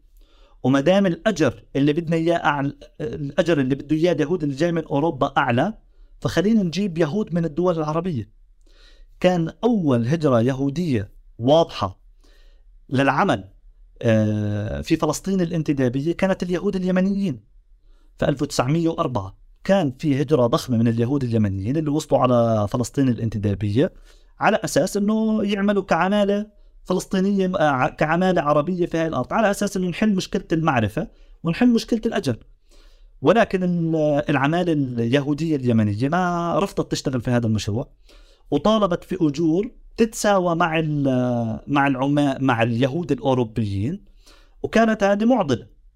فهاي الثلاث مشاكل الرئيسية وكان المقابل لإلها بأنه العامل الفلسطيني معرفته عالية درايته عالية هو بتعامل أرضه هاي تمام؟ يعني هو بيعرف بهاي الأرض أرضه آه، حياته اليومية شغله اليومي. واثنين كان الأجر في فلسطين أقل من الأجر اللي موجود في أوروبا بالنسبة للعامل. ف هذه كل المفاهيم كانت okay إنه إحنا تمام ما دام عندنا هاي ما دام عندنا هاي المعضلات ويمكن أنا أذكر شغلة آه، أحمد ذروة أفكار جوردون اتكرست بوين؟ اتكرست بفكرة الهستدروت اللي هي اتحاد العمال أو نقابة العمال اليهود نقابة الهستدروت كانت بنادي بأم يهودية نقية العرب مش موجودين فيها. يعني أمة عمالية يهودية نقية العرب غير موجودين فيها. الهستدروت ناضل ناضل حرفيا لأجل طرد العمال العرب من لطرد العمال العرب لاستبعاد العمال العرب. لمغازلة المشغلين اليهود بخطاب قومي إنه إحنا بنبني دولة وهاي الدولة عشان نبنيها لازم يكونوا العرب مش موجودين فيها ولازم عشان إحنا نبني على أساس نبني هاي الدولة لازم إحنا اللي نبنيها مش العرب مش لازم يكونوا العرب ضمن التنظير اللي حكيت لك عنه في موضوع في موضوع جوردن. وبالفعل يمكن الهستدروت نجحت. يعني تمام؟ إنه إذا بنطلع على مجموعة من الأمثلة أقلت مشاركة العماله العربيه يعني العمالة الفلسطينية قلت مشاركة العمالة العربية الفلسطينية في بعض المشاريع اللي كانت آه، موجودة. هذا اللي حفزه آه، مثال مهم وإحنا دائما نستحضره هذا واحد من الأسئلة اللي فلاش باك عملت لها اللي هو مصنع نيشر للاسمنت هذا المصنع أحمد انبنى في 1920 يعني في بدايات العشرينيات. هذا المصنع كان ثورة في عالم التكنولوجيا على استبعاد وطرد العمال العرب من الوظائف اللي كانوا موجودين فيها. إحنا كفلسطينيين شو كنا بنعمل؟ إحنا كنا كنا متميزين بحجر بعرفش إذا اليوم موجود أو لا اسمه حجر الكركار. هذا الحجر اللي هو الرمل المتصلب. حجر أروع مما تتخيل شكله أروع مما تتخيل. يعني جزء كبير من من الكنائس القديمة بنيت من حجر الكركار. حجر جميل جدا. كانوا الفلسطينيين مبدعين في هذا الحجر. بس أنت لما أجت عندك نيشر بالتكنولوجيا الحداثية الأوروبية المتقدمة. آه، اجى عندك الإسمنت والبطون. بمعنى إذا حجر الكركار بده واحد عنده مهارة عالية الإسمنت والبطون بدهاش حدا عنده مهارة. الإسمنت والبطون في ماكينة بتشتغل بتخلط وبتعطيني. فهذا كله كان فكرة المشروع الاستعماري الاستيطاني قبل النكبة كيف بيحاول بأنه يرفض يعني أنا بالنسبة له ما ما بده إياني المستعمر اللي جاي على هاي الأرض ما بده العمال العرب أصلا يكونوا موجودين في, في هذا لا يغني إنه كان في أشكال من المقاومة ممكن نحكي عنها أكثر بس بمعنى الفكرة بدي أوصلها إنه كان المشروع الاستعماري الاستيطاني في بداياته ضد أصلا مشاركتنا إحنا كعرب في هذا في العمل. وهذا المعنى اللي هو احتلال العمل. أوكي. آه آه بدي بدي أربط اللي أنت بتقوله كمان بفكرة آه آه احتلال قطاعات من العمل حتى آه آه على مستوى الضفه اليوم. يمكن أنه بمعنى في قطاعات لا يمكن إنك تدخل فيها. بالضفه ممكن ما يكون في مثل مثلها يعني نوعية صناعات أو نوعية إنتاج ما لا يمكن إنك تدخلها. بس أنت فعليا مربوط اقتصاديا بالكامل ب ب آه آه بمصانع إسرائيلية خليني أقول اللي هي عندها قدرة على الإنتاج أكثر الإنتاج بأرخص كمان عندها امتيازات رسمية. فمن هون كمان هذا المشهد بصب مرة تانية بقضية اعتماد العمال أو المهارات الفلسطينية أو الموارد البشرية الفلسطينية على العمل بمناطق 48 آه، آه، آه، مناطق 48 وكمان يعني رح نضل نحكي للأسف حتى الغريب إنه إحنا بنحكيها بالمستوطنات. آه، آه، اتفاقية باريس عززت هذا المشهد خليني أقول صح؟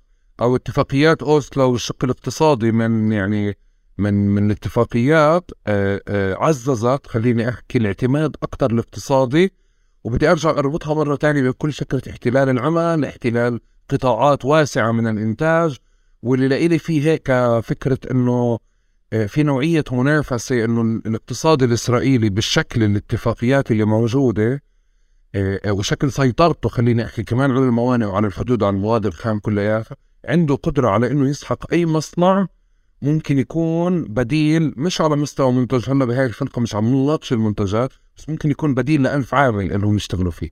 بيسحقوا ثاني يوم. أحمد أنا بعتقد بإنه أوسلو هي نتيجة. يعني يعني هي مهمة كمحطة ولكن كانت نتيجة للي صار آه، تقريبا بخلال الفترة لأنه بتعرف أوسلو أجت بعد 48 أجت بعد 67 أجت بعد احتلال عسكري طويل للأرض الفلسطينية.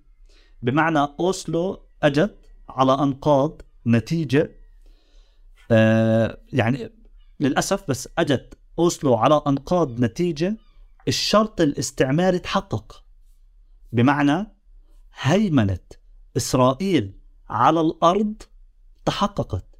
يعني حتى لو أوسلو منحت الفلسطينيين 18% من مساحة فلسطين الانتدابية الأشكال السيادة اللي تحدثت عنها اللي هي البر والبحر والجو أنت خسرتها.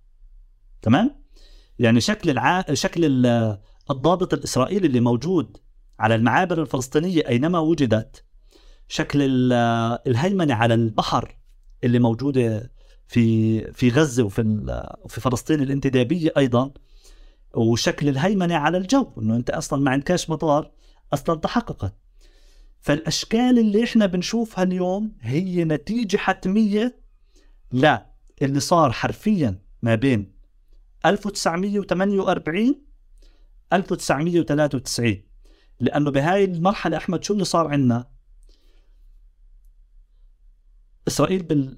بشكل سريع بال 48 لل 66 كملت هيمنتها على الأرض. عملت مجموعة من القوانين الإسرائيلية اللي تكرس هيمنتها على الأرض عندك قانون قانون أملاك الغائبين. أملاك الغائبين هم الفلسطينيين اللي منعوا من الفلسطينيين اللي طردوا قسرا من ارضهم 1950 قانون العودة منع اللي هو قانون اللي بحث المستو... المستوطنين في كل دول العالم إنهم يعودوا إلى أرض إسرائيل. قانون منع الدخول لإسرائيل 52 اللي هو منع الفلسطينيين بإنهم يرجعوا لاسرائيل خلال هذه الفترة أنت أحمد شو عملت؟ مع 67 وصلت لمرحلة 100% من فلسطين الانتدابية تحت سيطرة المستعمر. شو معنى هيمنتك على الأرض؟ هيمنتك على الأرض بأنه المورد الرئيس من موارد الإنتاج اللي هو العمالة بتشتغل فيها صار تحت الشرط الاستعماري. بمعنى أنا سلبت أهم مورد من موارد الإنتاج. أنا مزارع أو أنا عامل عندي مصنع. المورد الرئيسي اللي بقدر أعتمد عليه هو الأرض.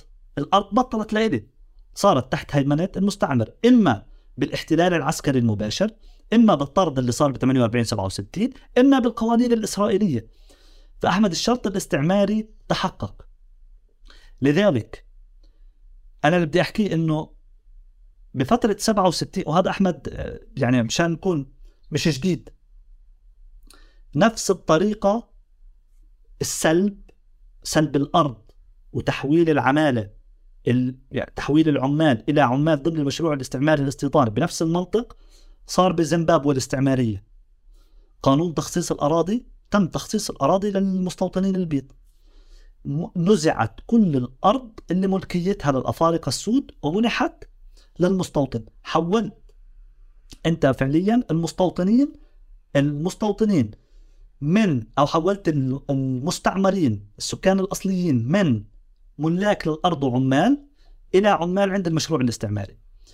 نفس الطريقة صارت في الجزائر، اجى المستعمر 1848 اجى وقال بانه هاي الأرض كلياتها فرض القانون القضائي على الجزائر صادر كل ملكية الأرض، صار عندنا قوانين لمصادرة الملكية.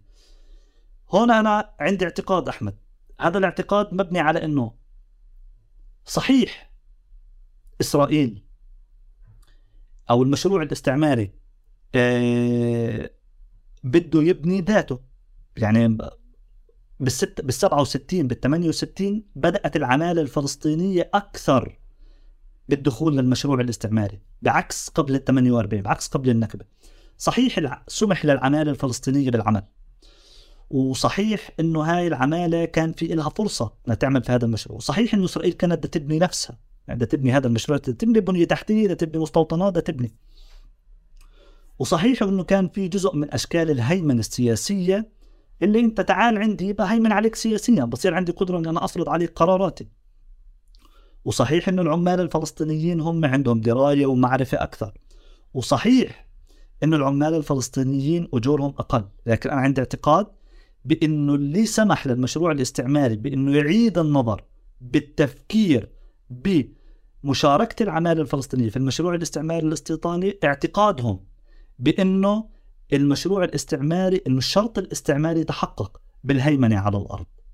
انت عنده اعتقاد بأنه أنا ما دام هيمنت على الأرض فهذا فه- فهي تحصيل حاصل بأنه هذول هذول العمال يكون موجود يكون موجودين عندي عشان دائما أحمد إحنا نصحح النقاش بأنه إسرائيل مش جاي يتحسن أوضاع الاقتصادية وإسرائيل مش جاي يكون أنا والمستوطن في يوم من الأيام بنفس الطبقة الاقتصادية.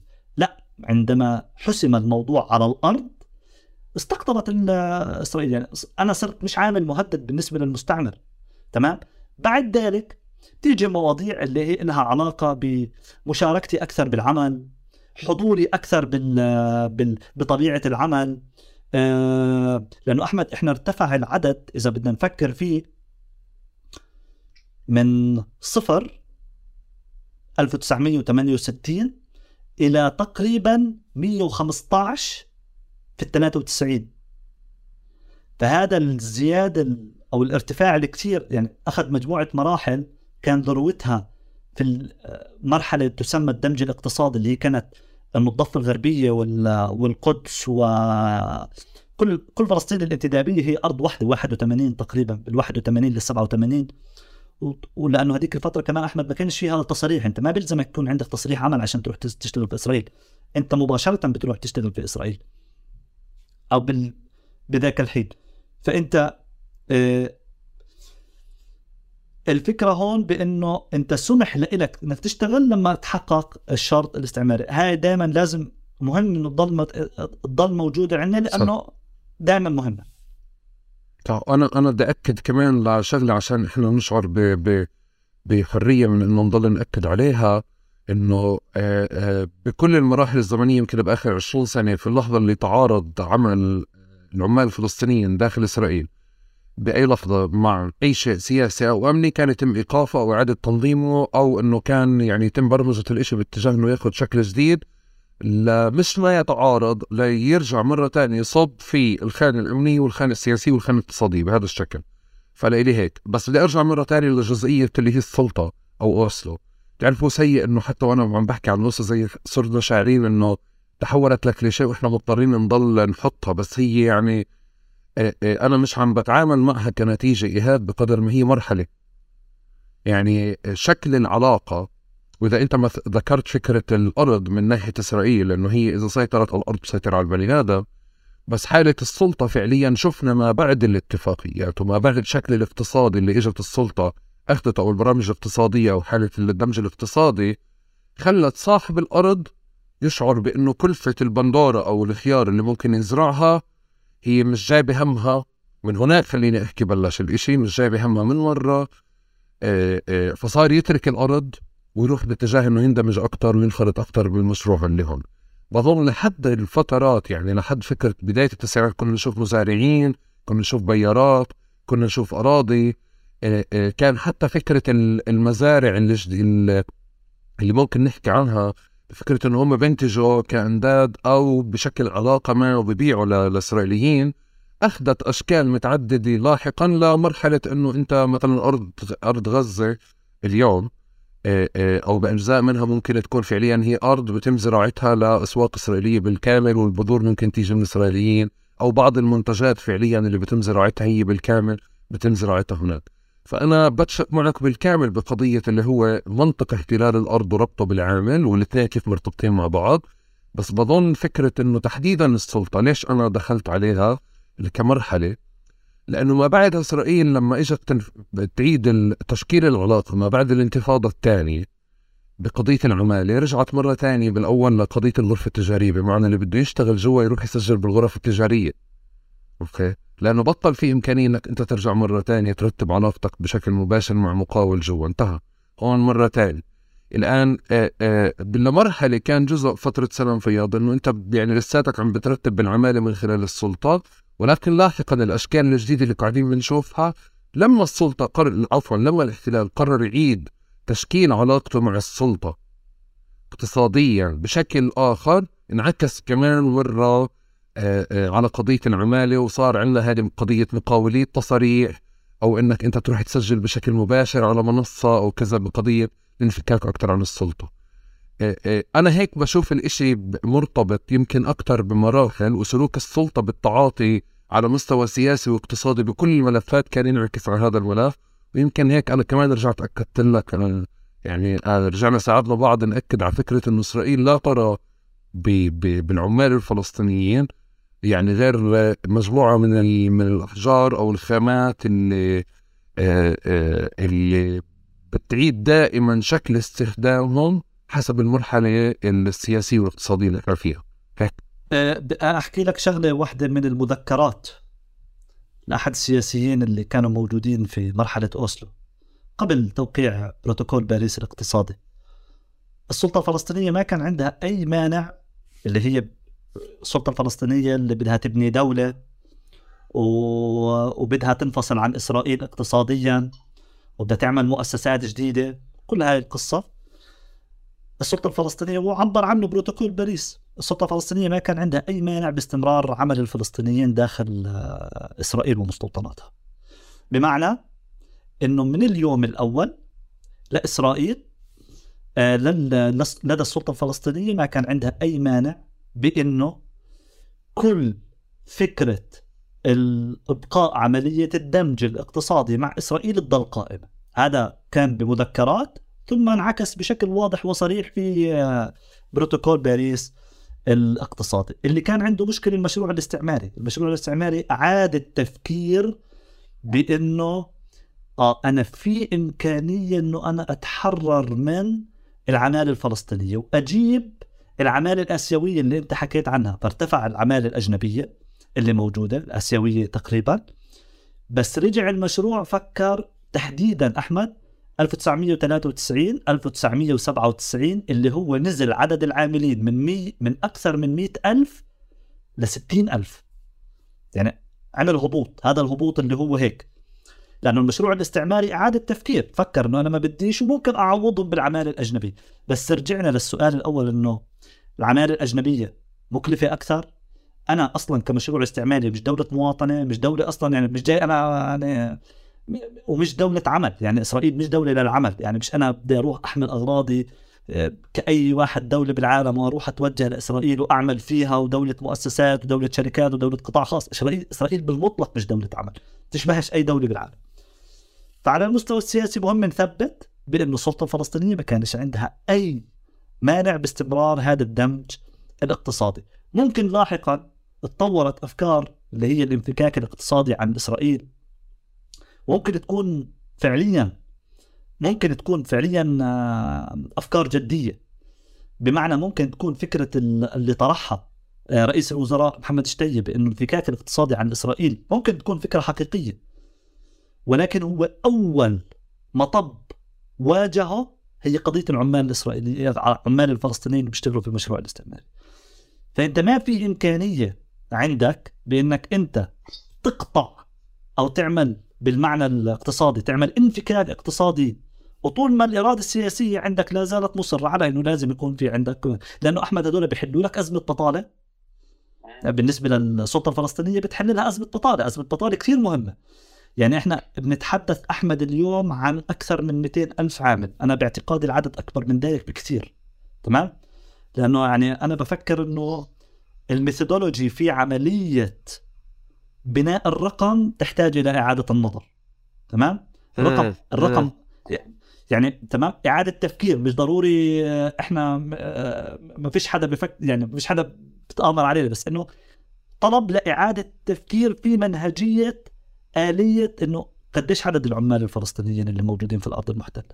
تمام؟ فلذلك أحمد على المستوى السياسي لا كان من اليوم الأول. بس شو اللي شو اللي صار؟ إنه أنت بالآخر اللي اكتشفته مع أوسلو اكتشفته ذاتك يعني اكتشفت السلطة الفلسطينية من خلال ممارساتها اليومية. أرض مسلوبة موارد تحت الهيمنة الاستعمارية. آه ما في عندك قدرة إنك تبني اقتصاد لأنه اقتصادك ملحق. بالاقتصاد الاستعماري في اقتصاد كبير وفي اقتصاد صغير. فالاقتصاد الكبير باي ذا يعني بكل الأحوال راح يبلع الاقتصاد الصغير. فعندك اقتصاد صغير ملحق أصلا بالاقتصاد الكبير وبيمثل له أحمد خزان من التراكم المالي الدائم. يعني اللي بيغذي خزينته بشكل دائم.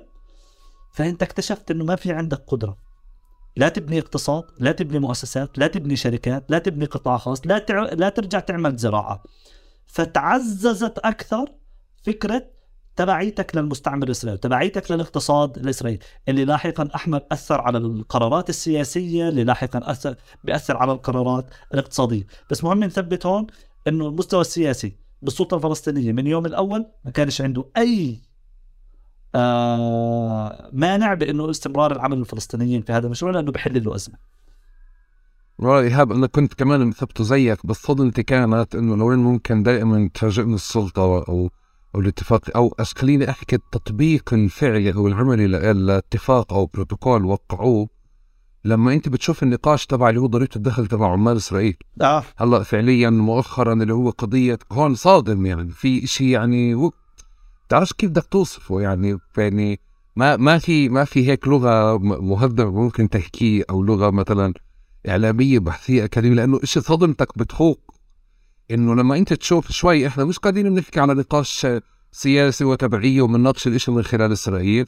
هنالك مأسسة من قبل السلطة الفلسطينية لعمل الفلسطينيين داخل إسرائيل ودعم لذلك. ليه؟ لأنه بالآخر هي كمان عم تستفيد منها. هلأ بالشكل الجديد اللي عم بكون من قضية أنه تحويل الفلوس تبعت العمال إلى البنوك الفلسطينية رح يكون في اقتطاع لا لا لا اقتطاع للضرائب لصالح السلطة. اللي هاي أنا متأكد منها أنا مش متأكد منها لسه قبل فترة بس حدا شككني في المعلومة بس كنت عم بدور أرجع عليها إنه حتى ما قبل النظام الجديد اللي هو قضية التحويلات البنكية كان الاحتلال يشبه فعليا اللي هو الضريبه لصالح السلطة. فعليا وعم نحكي تحديدا مش على قضية المياومة أو قضية الكذا انه كل عامل مرخص. آه، أنت بتقتطع فعليا إكس 500 شيكل وبتعطيه هون جزء من الرقم هذا مقتطع منه ضريبة الدخل اللي بيتم تحويلها للسلطة. هذه أنا مش متأكد منها بس أظن الشكل الجديد اللي بنحكي عنه بقضية الحوالات البنكية بتخليك تنصدم بأنه شوي لا إحنا هون يا عمي آه، إحنا شركاء. يعني يعني. يعني كل نقاش سياسي ممكن يكون لأنه إحنا الله بنبني مستوطناتنا بنبني كذا طب ما فيش أي مشروع تحرر اقتصاد تحرر استقلالية كذا. تشوف لا إنه في إشي قاعدين إحنا بنبني فوقه. يعني هاي الأرضية. قبل ما أحكي عن هاي الملاحظات المهمة اللي حكيتها أعزز بس الفكرة اللي كنا بنحكي فيها قبل ما تنتقل لهي الملاحظات. إنه إحنا انتقلنا لشكل جديد من أشكال العلاقة في العمل. إنه تحديدا من يوم أوسلو وعمل الفلسطينيين جزء من من هذه المشاريع. وزي ما حكيت لك أنا كنت شاهد بصريا أمام أحد هذه المشاريع إنه إحنا عندنا مشاريع مشتركة. وهاي المشاريع المشتركة هي موجودة يعني في في مختلف مناطق في مختلف مناطق الضفة الغربية. وهي موجودة على تخوم المناطق الفلسطينية اللي هي بتحكي لنا بأنه إحنا ما اكتفينا باستغلال العاملين الفلسطينيين بالعمل داخل إسرائيل ومستوطناتها إنما ابتكرنا أيضا ظروف جديدة لاستغلال العاملين أيضا داخل هذه المشاريع المشتركة. فجزء مهم من تسليط الضوء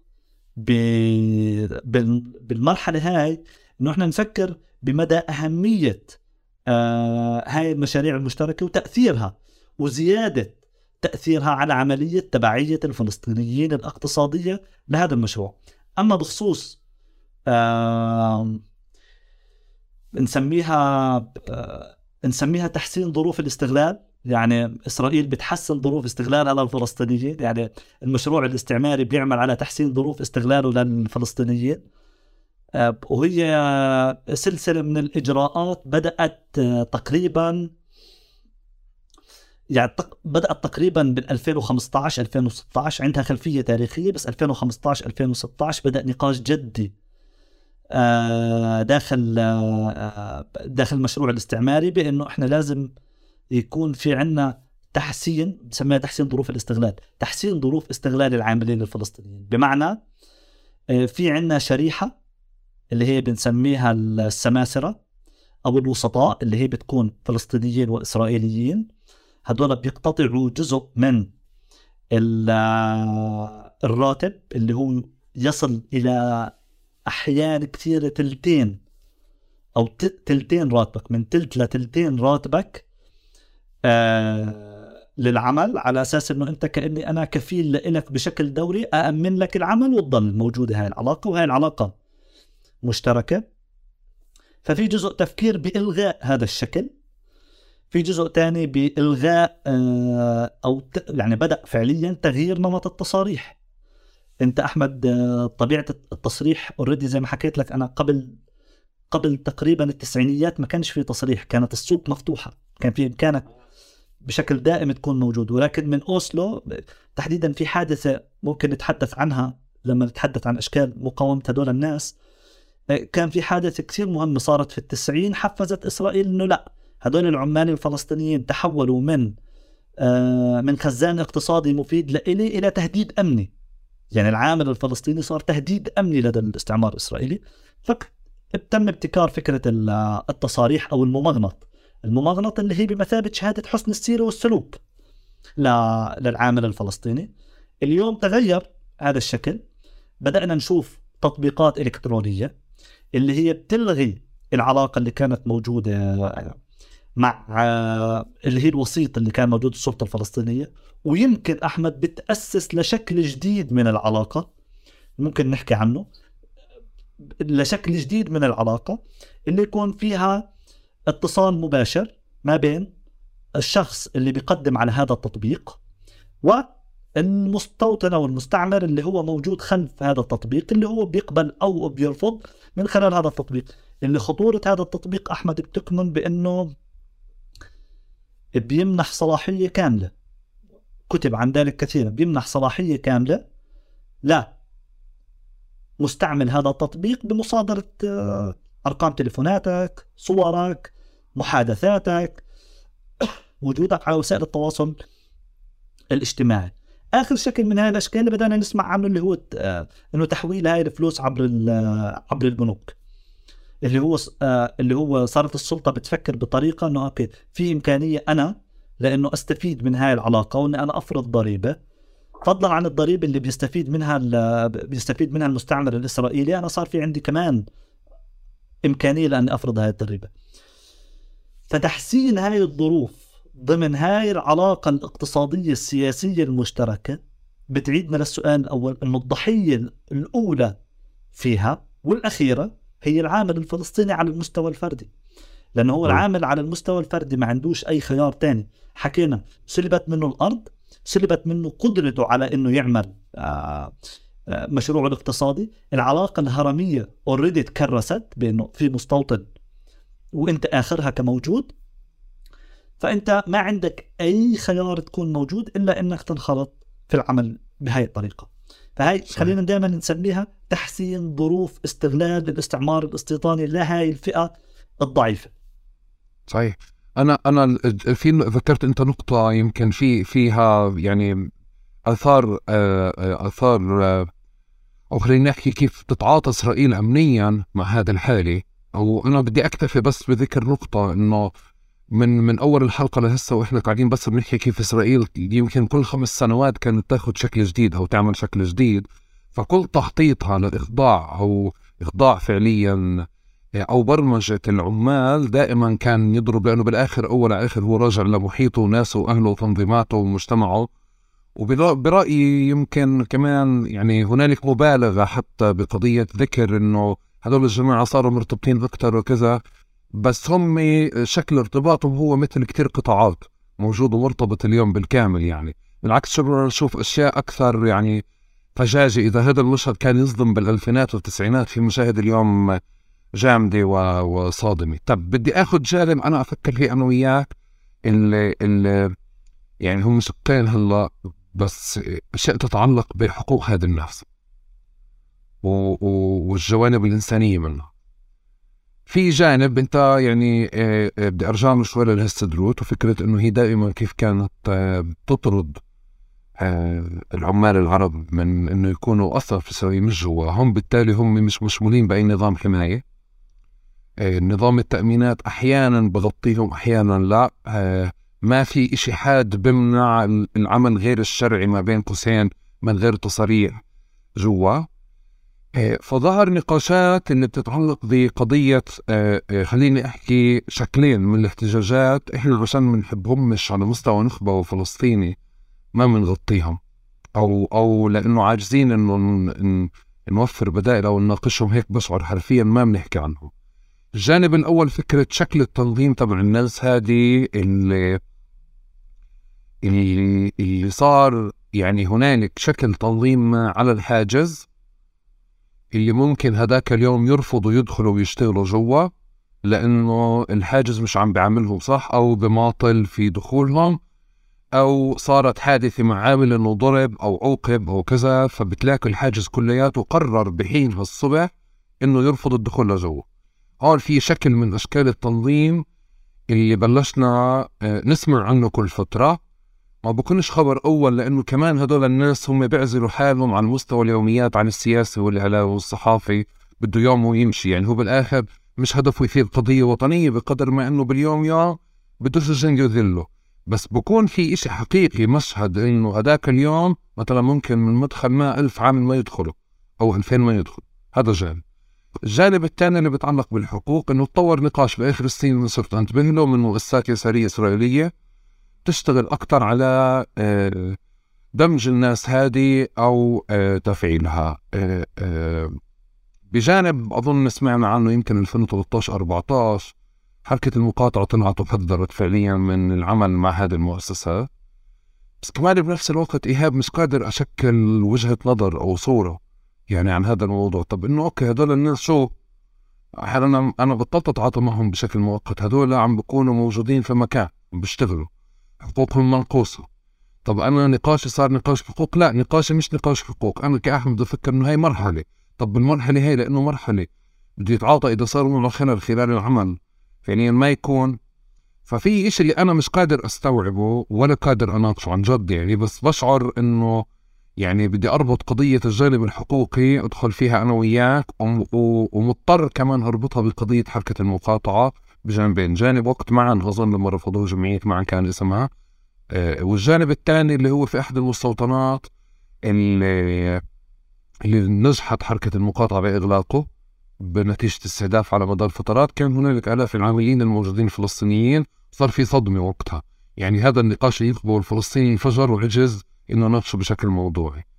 فهدول الشقين هدول الجانبين اظن مرتبطات خلينا المقاطعة شوي هيك بالآخر بنناقشها بس تعال نجرب أفكر أنا وياك يعني إذا أنت قاد أو خضت هذا النقاش خبرني عن كيف فكرت فيه. بس باليوم يوم اللي إحنا فيه هلأ غير المشهد تبع الحاجز آه، آه، كل فترة بنسمع عن مستوطنة بركان إنه فيها احتجاج. احتجاج بتعلق بالرواتب بتعلق بالامتيازات بتعلق بظروف عمل بتعلق بكذا. هذا الجانب زي كأنه مغيب وما مش مفتوح. أنا بحس إنه لا صار لازم نحطه على الطاولة. صحيح. السؤال بياخذ شقين. بالشق الأول إحنا نتحدث عن مقاومة الفلسطينيين أو مقاومة العمال الفلسطينيين لأنه إحنا مهم نتعامل بأنه هاي العمالة مش عمالة سلبية أو مش عمالة صامتة.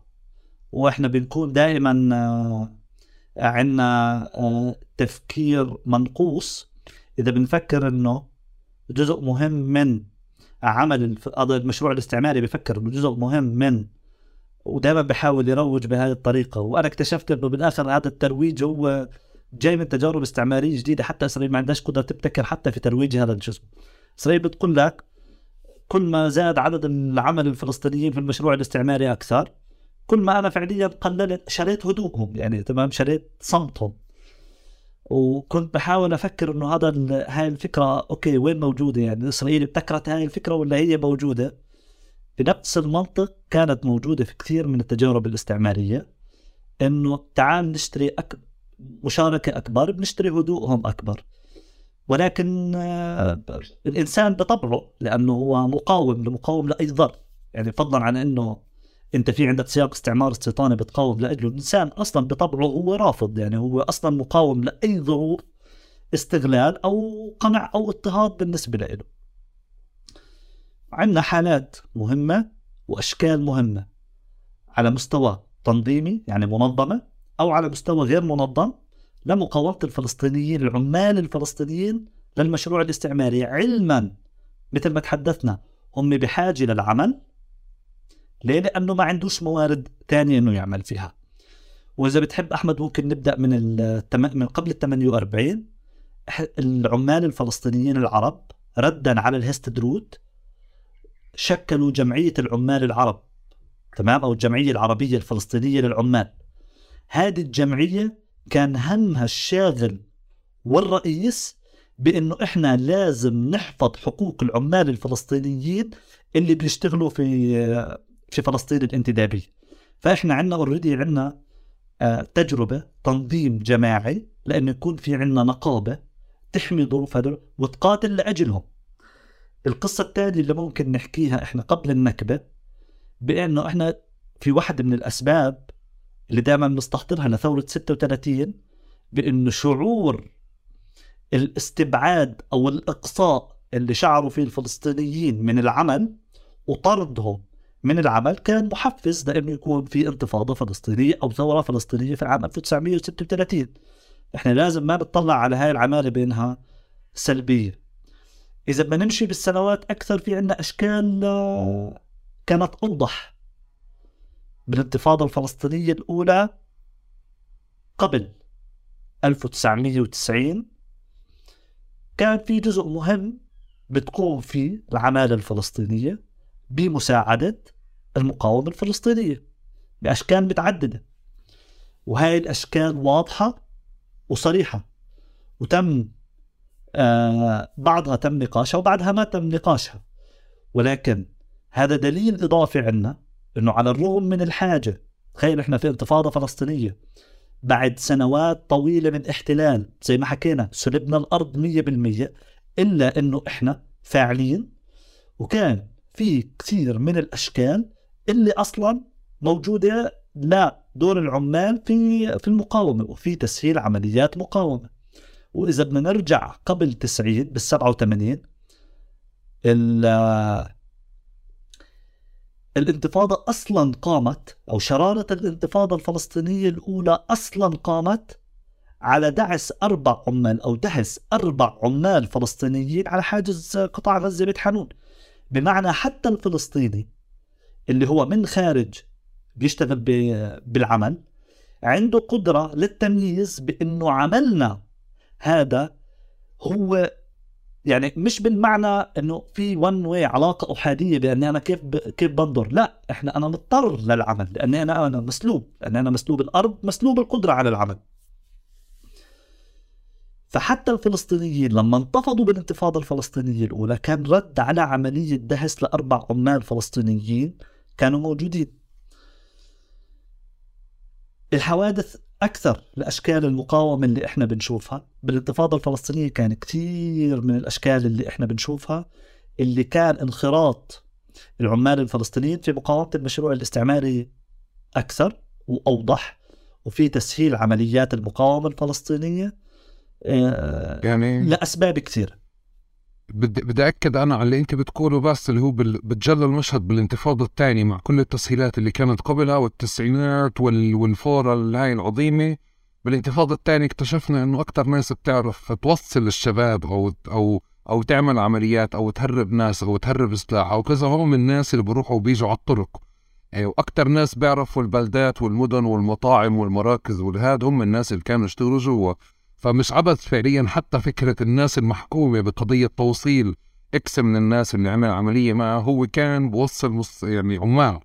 لهي شغلته كانت ما قبلها. لذلك تسقط كل أفكار شراء هدوء الفلسطينيين أكثر أو كل أفكار السلام الاقتصادي اللي هي بتتحدث إنه حسن أوضاع الفلسطينيين اقتصاديا بينسوا آه همهم السياسي الأول أو بينسوا قضيتهم إلا إنه إحنا شايفين على مدار المشروع الاستعماري هاي الشريحة يعني تمام؟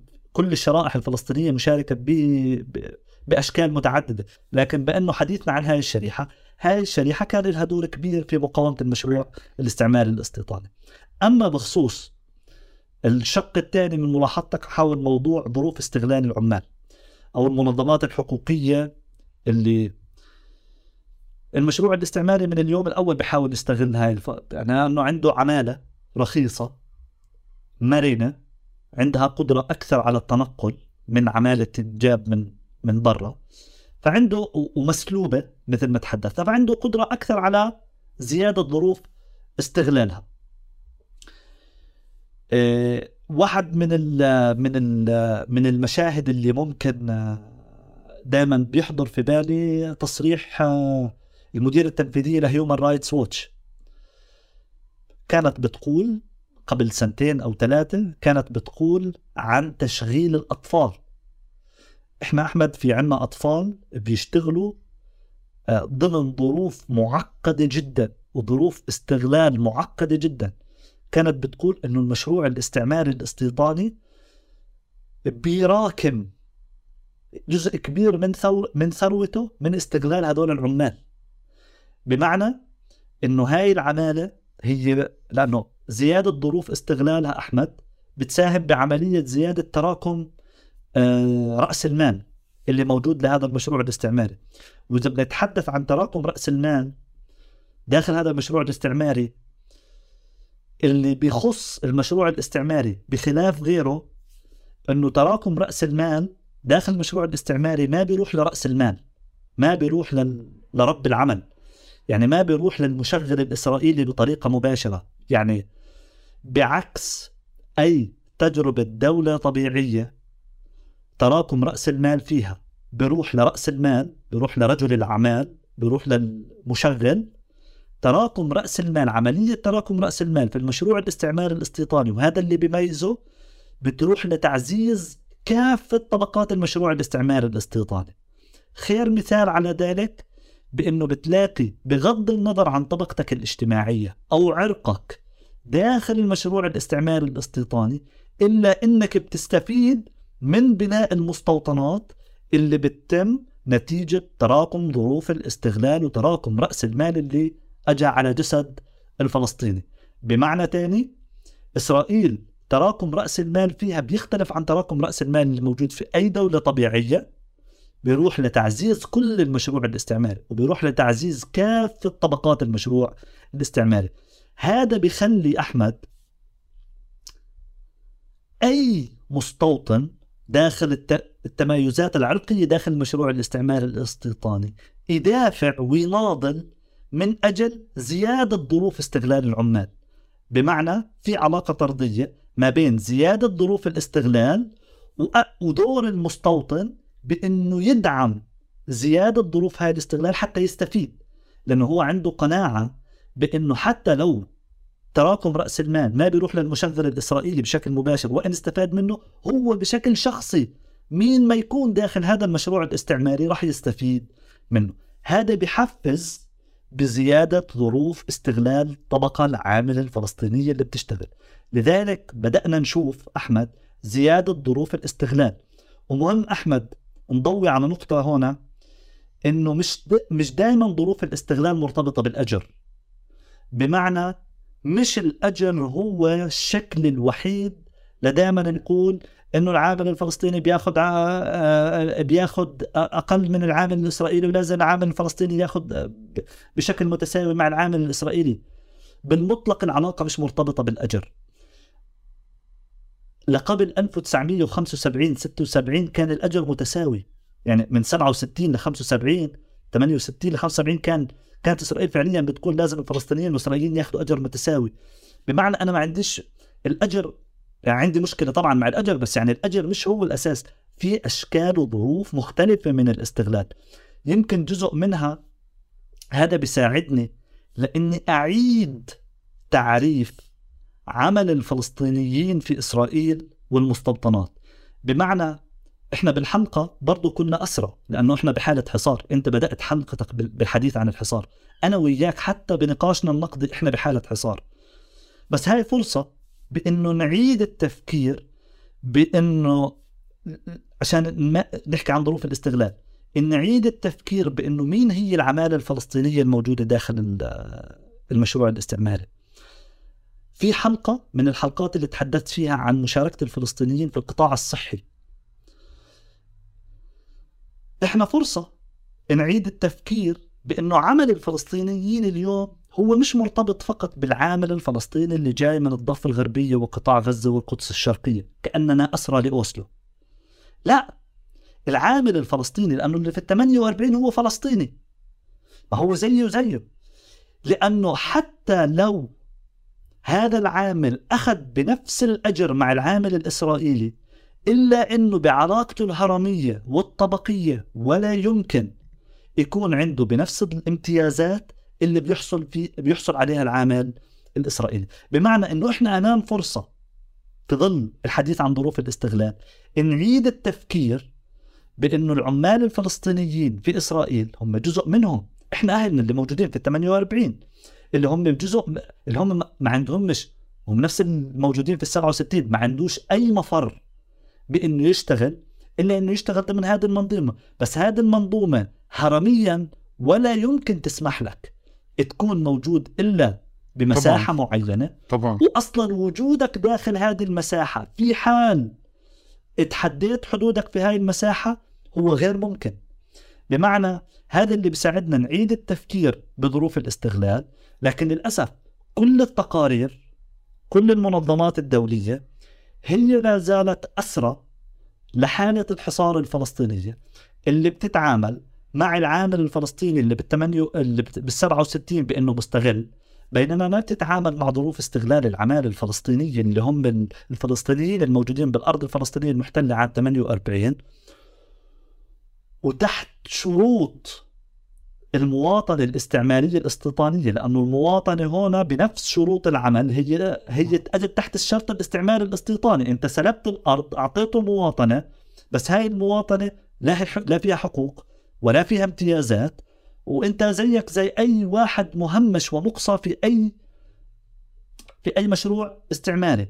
بمعنى ظروف الاستغلال راح تزيد واللي بيعزز ذلك مثل ما تحدثت إنه جميع طبقات المشروع الاستعماري راح تدافع عن عملية زيادة استغلالك لأنه بتراكم رأس المال بالنسبة لها مش لرأس المال إنما لجميع الطبقات. مفهوم إيهاب. بحالة العمال في ال 48 شكرا لأنك أنت كمان ربطتهم هذا كان كان ربط مهم. بحالة ال 48 أنا أظن أنه بهوياتهم بفضل هوياتهم الإسرائيلية بروحوا باتجاه نقاش إسرائيلي داخلي. إنه إسرائيل إسرائيلي بصار في في نقاش اللي هو نقاش عنصري آجي يعني بتجلى أكثر في حالة العمال في ال 48 بس بدي أرجع مرة ثانية معلش لهذا وبدي أجرب أفكر فيه أنا وياك. حتى لو ما كان في إجابة بنفع ننط عنه ونروح باتجاه بس أنا بالجد ما بعرف هذه الناس آه، إحنا بنناقش استغلال استغلال استغلال بس له حقوق. يعني بالآخر هو محتاج إذا صار بدي أروح لمشهد extreme اللي هو مشهد يعني يمكن أوضح بالجنة واللي هو أغلب الحالات هيك بصير كل البلد تحكي فيه إنه فلان طلع له تأمين أو ما طلع له تأمين. ليه؟ لأنه صار معه حدث عمل. أو قال له طلع له تعويض أو ما طلع لهم تعويض. طيب أوكي مين الحدا اللي بده ياخذ هذا يعني بده ياخذ المبادرة أو يترافع عن X من العمال أو X عن أهله عشان يجيب الحقوق أنا مش متذكر أحمد الرقم بدي أقاطعك مش متذكر أحمد الرقم. بالضبط. عدد كبير من الدعاوى اللي بيرفعها العمال الفلسطينيين لدى محاكم العمل الإسرائيلية ترفض وما بياخذوا الفلسطينيين فيهم حقوقها. يعني حق العمال الفلسطينيين بأنهم يطالبوا بحقوقهم تمام؟ آه، يعني أنا كان بالنسبة لي جزء من الأصدقاء بيحكوا لي عن أنه ولا يمكن تاخذ حقك عند عند يهودي بالمعنى بالمعنى يعني مفهوم مفهوم آه. بس انت عارف اللعبه تستسلم جوا. يعني بمعنى إنه انت بالقرار وفعليا لو صح لل... لل... للمقاول بشغل حدا من غير أي تصريح ولا أي تبعات ولا أي أشياءات عشان برضه مرة ثانية برجع للنقطة اللي أنت ذكرتها قد ما فعليا باخذ بقلل امتيازات العامل هو بكون كسبان من مكان ثاني متفق عليها هذه الجزئية؟ إيه إيه وما بتوقع من إنه يكون في نظام عادل باتجاه العمال لأنه هي بالآخر نظام استعماري ككل. ولكن هنالك ثغرات عم بتكون بأماكن لقضية إنه إيه أكثر من الناس من العمال وقع من مكان راحت اجريه أو صار معه حادث عمل في الطريق أو كذا تم تعويضه وأخذ رقم وقدره. الآن بتطور نقاش قاعد على فكرة اندماج العمال الفلسطينيين بمؤسسات ما بين قوسين يسار إسرائيلي اللي تطالب بتحسين ظروف هاي العمال أو أنها تجيب لهم حقوق أو تترافع عنهم بالمحاكم الإسرائيلية. هذا نقاش آه، آه، حذرت منه حركة المقاطعة. تمام؟ هيك خليني أقول. بالمشهد هذا أنا مربك لإلي كله لأنه أنت بالآخر عم تتعاطى مع آه، ناسك وأهلك وحالة استعمار استيطاني اوريدي فرضت عليك كل الشروط. وانفرضت عليك بكل مكان.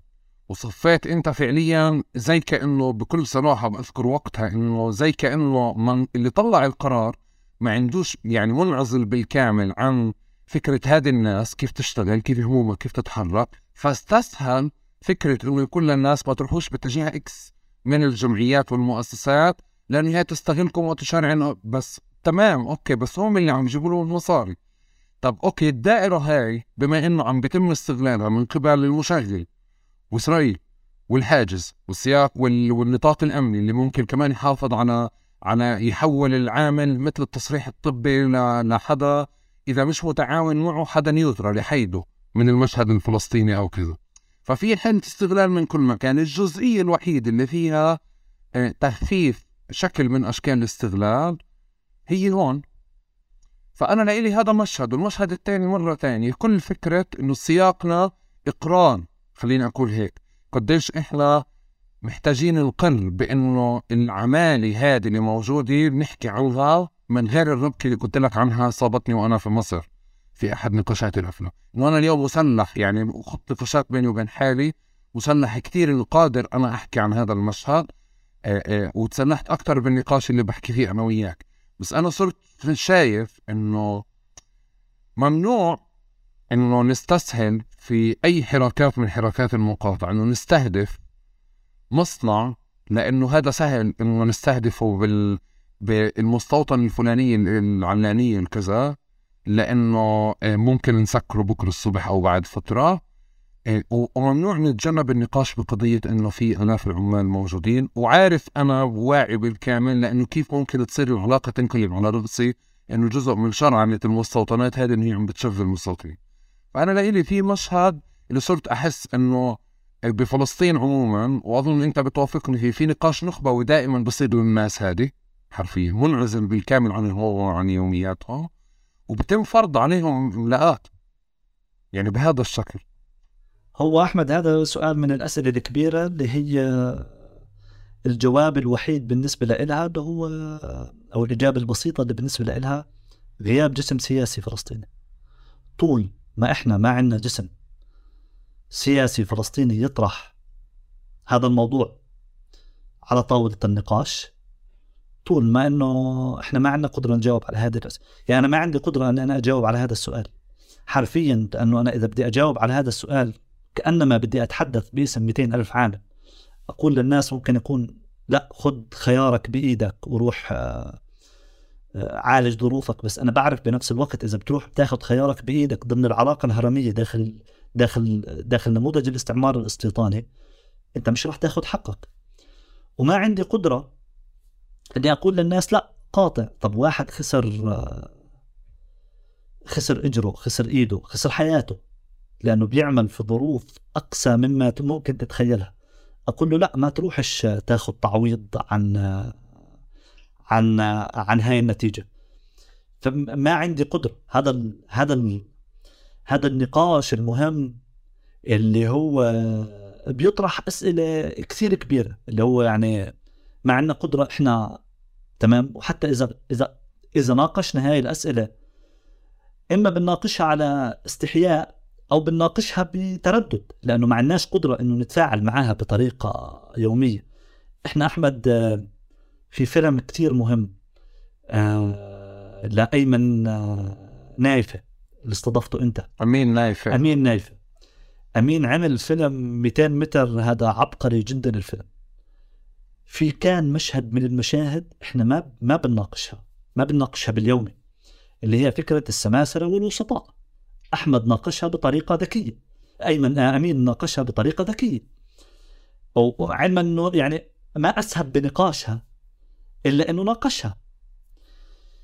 فنقاش هاي القضايا الكثير كبيرة أحمد اللي هي جزء منها حقوق الناس هاي ظروف استغلالها. إنه إنه المؤسسات هاي اللي هي يعني يعني أنا بتعامل معها جزء يعني هي ضمن ضمن المنظومة الاستعمارية. يعني أنا صعب إني أنا أشوف صعب أشوف منظمة عمالية بالسياق الحالي اللي أنا موجود فيه ولسه يعني في قدرة. لا بدك بدك تكون بدك يكون في عندك نقابة للعاملين. وبدك يكون عندك نقابة للعاملين حقيقية. وبتخاطب لسان العالم تحكي مع العالم كلياته بتقول له إنه أنا عندي مجموعة من العاملين اللي بيشتغلوا بهاي الظروف وأقصى ظروف الاستغلال. أحمد واحدة من أشكال ظروف الاستغلال اللي اللي يمكن إحنا بتخطرش على بالنا وأمين. هيك عرج عليها شوي صغيرة وسائل النقل. أحمد العمال الفلسطينيين بيتنقلوا. فضلا عن إنه ممكن يتنقل بأكثر من وسيلة نقل. وسائل نقل إما غير مرخصة يعني داخل المناطق الفلسطينية وإما مهترئة. مهترئة. أنا شفت سيارات السيارة اللي بتكون اللي بتنقل العمال الفلسطينيين سيارة يعني بتعرف هاي السيارات الفورد اللي هي سبعة راكب اللي هي أحيانا كبيرة بيكون في عدد من الركاب أكثر اللي أحيانا كثير بياخذ منك فلوس زيادة عن اللزوم نتيجة خدمه التوصيل. سيارة مش سيارة نقل أنا رايح الصبح على دوامي صح الساعة 4 الصبح. رايح بسيارة أصلا غير مرخصة وسيارة مهترئه وواقف على الحاجز الإسرائيلي. ثلاث أربع ساعات بظروف. إحنا اليوم بنحكي بالوقت تمام؟ يعني ما أنا بقتل وقتك. مش أنا بقتلك يعني أنا بقتل وقتك يعني أنا فعليا بقتل وقتك. هذا الوقت بدل ما تكون أنت عمالك موجود فيه مع عائلتك أنا بقتل وقتك بإن بإني أنا بصحيك الصبح بخليك ثلاث أربع ساعات تكون موجود على الحاجز. ولسه بدك تاخذ كمان وسيلة نقل. ظروفها أيضا صعبة. عشان تنقلك من الحاجز الإسرائيلي إلى إلى مكان العمل. وأحمد السؤال اللي كمان إحنا بنطرحوش على نفسنا إنه شو آثار هاي الظروف على حياتك كفرد على حياتي أنا كفرد اللي هي يعني بدها أجهزة كبيرة أو مؤسسات تسأل هذا السؤال. إحنا عمرنا ما سألنا العمال الفلسطينيين شو تأثير ظروف الاستغلال على علاقتك مع ابنك. عمرنا ما سألنا العمال الفلسطينيين شو تأثير ظروف الاستغلال على علاقتك مع زوجتك. إحنا عندنا افتراضات أسئلة ممكن نطرحها بس يعني أنا ما عندي أجوبة لأنه هاي الأجوبة مش ايهاب ممكن يجاوبها ولا أحمد ممكن يجاوبها هاي بدها مؤسسات تجاوبها. إنه معدلات الطلاق عند العمال الفلسطينيين اللي بيعملوا في ظروف الاستغلال الاستعماري هي أعلى من عمال فلسطينيين ما بيعملوا في هذه الظروف. هاي أسئلة لازم تنطرح. أنا أنزل على العامل وأسأله. العامل الفلسطيني اللي بيشتغل في المستوطنات الزراعية اللي موجودة في منطقة غور الأردن في درجات حرارة عالية جدا دون أي اهتمام بأنه درجة الحرارة عالية جدا. ما حدا بيسأل فيه. طب ما هذا بينعكس عليه بينعكس على علاقته مع أولاده. أنا بعرفش علاقتك مع ابنك كيف بتكون لأنك أنت بتشتغل في ظروف. علاقتك مع زوجتك كيف بتكون؟ علاقتك مع مجتمعك كيف بتكون. فخارج العلاقة اللي إحنا بننظر لإلها دائما بأنه في قدرة اقتصادية أعلى لدى العامل الفلسطيني اللي بيشتغل. في إسرائيل ومستوطناتها. عن العامل الفلسطيني اللي بيشتغل بال بالمناطق الفلسطينية بالمناطق الفلسطينية من غيرها. أنا ما عمري سألت عن شو تأثير هاي الظروف عليك. يعني هذا فضلا عن السؤال السياسي والاقتصادي كثير كبير. أنا وياك يعني أنت إيش إيش بتأثر عليك هاي ظروف الاستغلال فهذا خارج نعم. نقاش المنظمات الحقوقية اللي هي ما زالت بتصر على إنه العلاقة هي جاية بظرف واحد أو باتجاه واحد وما بتاخذ هاي الاعتبارات أنا بتفق معك تماما وبظن إنه يعني جزء أساسي من مشكلتنا سواء بحتى شكل النقاش على مستوى مقاطعة حقوق استغلال ايا كان إنه إنه أنت مش قاعد مع حدا يعني أنت مش قاعد مع الزلمة هذا أنت مش شايف طلاب جامعات عم عم بتركوا مش شايف أستاذ بخلص شغله الساعة 2 وبنزل ماخذ شفت مسائي آه، بشتغل جوا فعليا مش شايف فكرة إنه حتى آه، آه، هاي الأشياء اللي اللي يمكن من عجزنا إيهاب عن عن السؤال عن عن عن السؤال وعن آثاره بخليناش نحكي فعليا إنه جزء من صمود الناس ما بين قوسين لما انت بتقطع الرواتب على مدار شهرين وثلاثة وبتطلب من الناس انه تصبر عليك انه هي فعليا تشتغل جوا. بهذا المنطق انه هي بتحصل كاش بالاخر عم بدها تعيش. آه، آه، معايرتك أو أو مش معايرتك آه، احتفائك بصمود العالم والناس جزء أساسي منه إنه مثل ما اللبنانيين مهما انهار اقتصادهم هم بيعتمدوا على فلوس عم تيجي من برا إحنا اليوم وإحنا بشكل نظمت إسرائيل وبرمجته صار واستثمرت فيه السلطة. صار اعتمادنا بالكامل على هذه الفئه من الناس ارقامها لما بتزيد فعليا. إحنا بتزداد عنا الاستقرار والهدوء. وأنا بظن من لما وعيته هيك. يعني بدي أحكي لما كنت بمشي في في التسعينات إنه كنا بنشوف في أشياء على مستوى المجتمع تتغير في البناء. آه، آه، أذكر آه، إنه إكس من الناس واي وزد لما كنت بتمشي بالقرى بتلاقي كان في موضة بالتسعينات بإسرائيل انهم يجوا يدهنوا البيوت بالوان بشعة. واحد يدهن لونه بيته أصفر واحد أحمر واحد أزرق واحد كذا. إيه إيه تكون ملفتة. بس تخيل هاي هذا اللون ممكن بمستوطنة ولا ببلدة جوا هو بيوت ملونة كتيرة. إحنا عنا لما تيجي تشوف هذا البيت تسأل مين هو هذا اللي عامله أو مين اللي داهنه. يقولوا لك إنه بيشتغل جوا. وتشوف فعليا الألوان الكرميد لما صارت تتغير من أحمر لأخضر وأزرق وألوان تانية تسأل ليش؟ يقولوا لك بيشتغل جوا هذا إذا أنا بدي أحكي على بنيان وحجر على مستوى الناس أنا آخر صورة بدي أشاركك فيها يعني وبحب أسمع منك أكثر على قضية الطلاق تحديدا إذا عندك تفاصيل أكثر آه، آه، الجانب اللي بيتعلق بمقاولي التصاريح صاروا يفرضوا شروط لحالهم عشان يحافظوا على امتياز هو مقاول التصريح يحافظ على امتياز انه هو بيمنح الناس تصاريح صار يعمل شروط أمنية على أولاد البلد بمعنى إنه شو الروابط اللي ممكن تخليه كذا إنه إكثر من الناس يكفلوا ولازم يكون متجوز. أحد المقاولين عمل هذا الشرط في إحدى البلدات. فصارت الشباب تتزوج مبكرا عشان فعليا آه، عشان عشان تأخذ التصريح. وشكل. صار عند هذا الرجل فعليا مكان اجتماعي بإنه الناس بتروح تتوسط له تقول له هي قرا الفاتحة أو كتب كتابه آه، بده يشتغل له شهرين ثلاثة بس عشان يتجوز. فصار في شكل اجتماعي آخر إنه مجموعة من الشباب الصغار الشباب الصغار اللي عم بتجوزوا كثير تمام بأعمار صغيرة عشان يدوم التصريح معه يستمر معه بأماكن وبنفس الوقت بترجع بتشوف لما بيرتاح الشاب عادي جدا بقدر أفهم ليه ممكن ينفصل أو يطلق. أو مرته تطلب طلاق يعني بعد سنتين أو ثلاثة أو أربعة لما صار في راحة مادية عند الطرفين. ففي مشهد اجتماعي حتى إحنا ما بنخوضه تغيرات اجتماعية بتصير ما بنخوضها. إحنا معتمدين اقتصاديا ومعتمدين سياسيا وامنيا. سهل النقاش هذا بالاخر في معطيات لينه بس أنت بتحتاج فعليا باحثين وصحفيين ينزلوا يقعدوا على الحاجز وينزلوا يقعدوا بالسيارات هذه. ومحتاجين مثل أمين كثير عشان نقدر نشوف حياتهم يعني.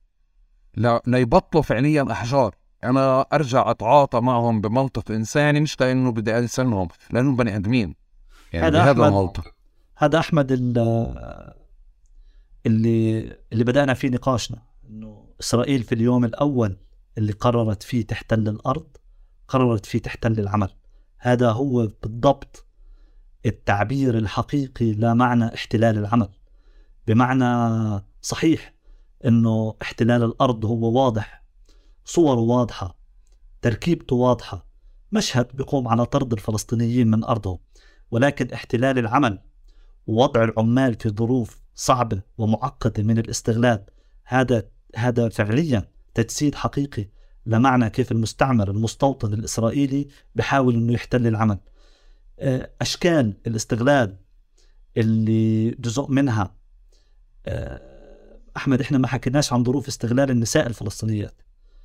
أنا ممكن تكون آه، في ظروف مجتمع معقد هذا المجتمع آه آه الذكوري بالمعنى العادي يعني بالمعنى اليومي مش بالمعنى السلبي يعني. ومحافظ بالمعنى العادي مش بالمعنى السلبي.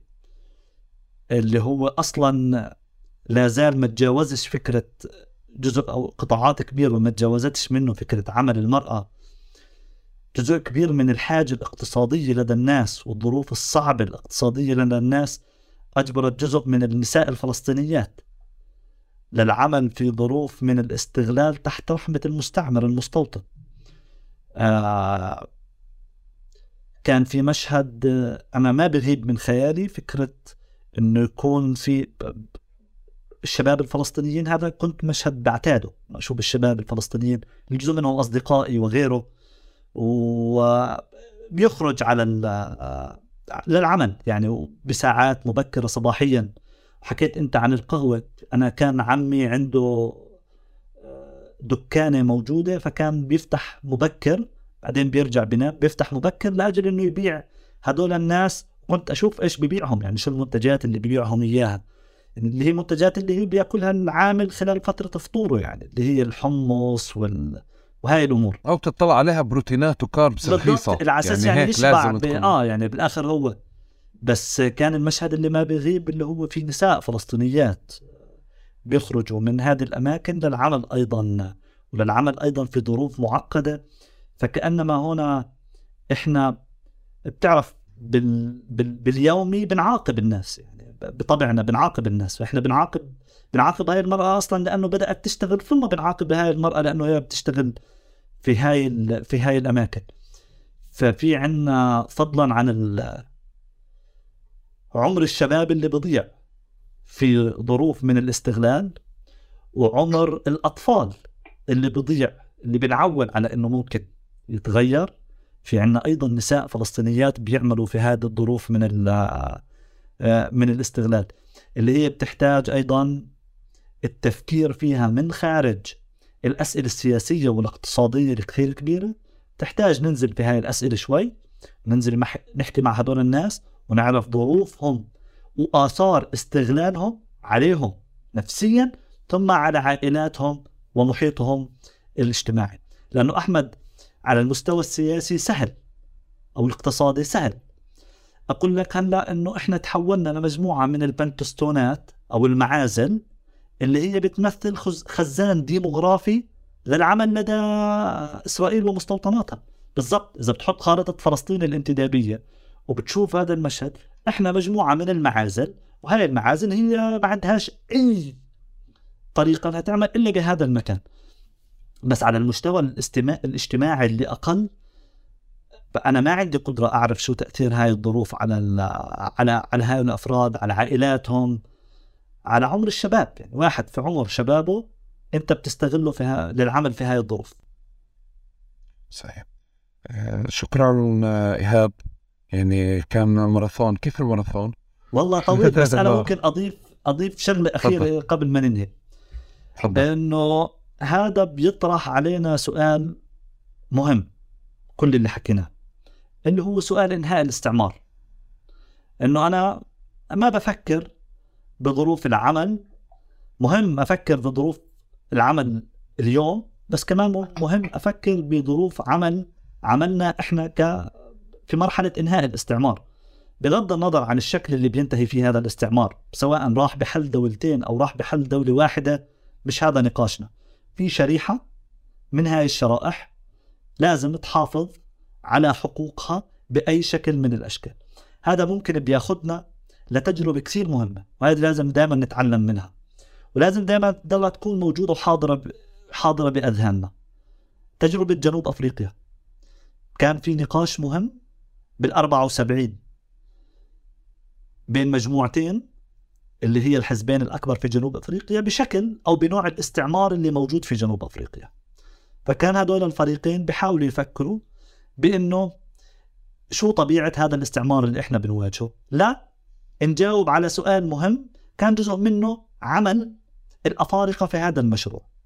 اللي بدي احكيه هون واللي هو كان خلاصة هذا التفكير إنه إحنا إذا بنفكر في سؤال إنهاء الاستعمار بغض النظر مين اللي بفكر فيه على مستوى سياسي مستوى نخب سياسية مستوى حركات شبابية مستوى نضالات فردية إنه إحنا إذا بدنا ينتهي الاستعمار على المستوى السياسي فقط من دون ما ناخذ بعين الاعتبار القضايا الاقتصادية. والاجتماعية. وتحديدا للشريحة الأكبر اللي هي بتمثل جسر ما بين العلاقة ما بين المستعمر والمستعمر أو المستوطن والسكان الأصليين. ممكن شكل إنهاء الاستعمار يكون كشكل الاستعمار بشكله الحالي. بمعنى إذا ما فكرنا بطبيعة علاقاتنا الاقتصادية الجماعية والفردية وطبيعة علاقاتنا الاجتماعية الجماعية والفردية بمرحلة إنهاء الاستعمار إحنا راح نضل أسرى لحالة الحصار اللي أنت تحدثت عليها حتى بعد مرحلة إنهاء الاستعمار. فهذا سؤال مهم. انه نطرحه على بالنا. وإحنا ما نكونش خايفين. يعني ليش بنخاف دائما من الأسئلة الكبيرة؟ لا نطرح على حالنا سؤال إنه كيف إحنا بنتخيل مرحلة عملنا بعد مرحلة إنهاء الاستعمار. إحنا بغض النظر عن شكل هذا أنا كيف بدي أستمر؟ بدي أستمر زي أوسلو. أنا ضليتني موجود من بعد من بعد حل الدولتين. موجود لساتني بعمل أو إني أنا بفكر في طبيعة من العلاقة اللي هي علاقة تانية مختلفة ما فيها هاي الهرمية اللي هي بتفرض إنه إيهاب أو أحمد هو موجود هون بينما غيره موجود بهرمية أعلى سواء من الفلسطينيين أو من غير الفلسطيني لأنه هو بيشتغل ضمن هاي الدائرة. فعمل الفلسطينيين هو دائما أساس لنحط دائما سؤال إنهاء الاستعمار دائما موجود على الطاوله وأنا أنا بنظري هاي الاستعمار يعني التحرر يعني كثير معاني. اللي اللي شكرا انك أنت نوهته لأنه أنا مش استفيد كثير صراحة من إنه أغير هرميات. يعني أنا بكون مع هرمية إسرائيلية اصير تحت هرمية فلسطينية. بدل ما أكون بتم استغلالي من شركة إسرائيلية بيتم استغلالي من شركة مقاسم اتصالات مثل موجودة برام الله. الشباب كلياتها تحلم إنه تبلش مشوارها منها لتقطع شوط برام الله يعني. فمش إشي بغير وفكرة إنه في في صبغة استعمارية موجودة هون آه فارق كتير جوهري أكيد بس كمان مش مش الإشي اللي بنطمح له إنه بس نشيلها ونحافظ على يعني أشكال استغلال مختلفة وهيك. شكرا ايهاب آه، أنا بالعادة بنهي المقابلة مثل ما أنت بتعرف بسؤال المكروب الشهير. بدي أسألك آه، آه، وين أكلت اذكى مقلوبة؟ شوف أحمد أنا بحب المقلوبة بس بحب العكوب أكثر وبعتقد إنه العكوب هي أكلة فلسطينية مهدور حقها ولكن بإدامة ولا على لحمة ولا بلبن؟ هي بعرفش كيف بس لا هي بلحمة ولبن يعني تمام؟ هي هيك بنعرف. لا ما في لا ما هي ممكن تنعمل بمية لحمة لا هاي بلحمة ولبن بلحمة وفي لبن لبن آه لبن ولحمة طبعا هي التوب. آه بالضبط هاي هذه أنا بعتقد إنه هاي الأكلة هي محظور حقها أما بخصوص المقلوبة أنا لغاية ثلاث سنة سنين كنت بعرف المقلوبة بشكل واحد إنه في إمكانية وأنا أنا هيك طبعي تمام؟ أنا هيك يعني هيك تفكيري إنه أنا إنسان يعني متعدد. أنا بعتبر إنه المقلوبه في إمكانية لدمج فيها الزهرة وال والبتنجان مع بعض. وما في إشكالية من دمج الزهرة والبتنجان مع بعض. هذه المقلوبه اللي أنا بعرفها. لغاية ثلاث سنوات لما شدا قررت إنه هي تطبخ مقلوبه فلا في فصل قاطع وكأنما بنتحدث عن علاقة أحادية الجانب ما فيها أي إمكانية للدمج ما بين مقلوبة الزهرة ومقلوبة البتنجان. في خلال الثلاث سنوات هاي أنا يعني الحمد لله نجحت مرة واحدة إني أنا أقنعها إنه نطبخ مقلوبة في إمكانية للدمج فيها بس بقية المقلوبات خلال طيلة الثلاث سنوات هاي فشلت.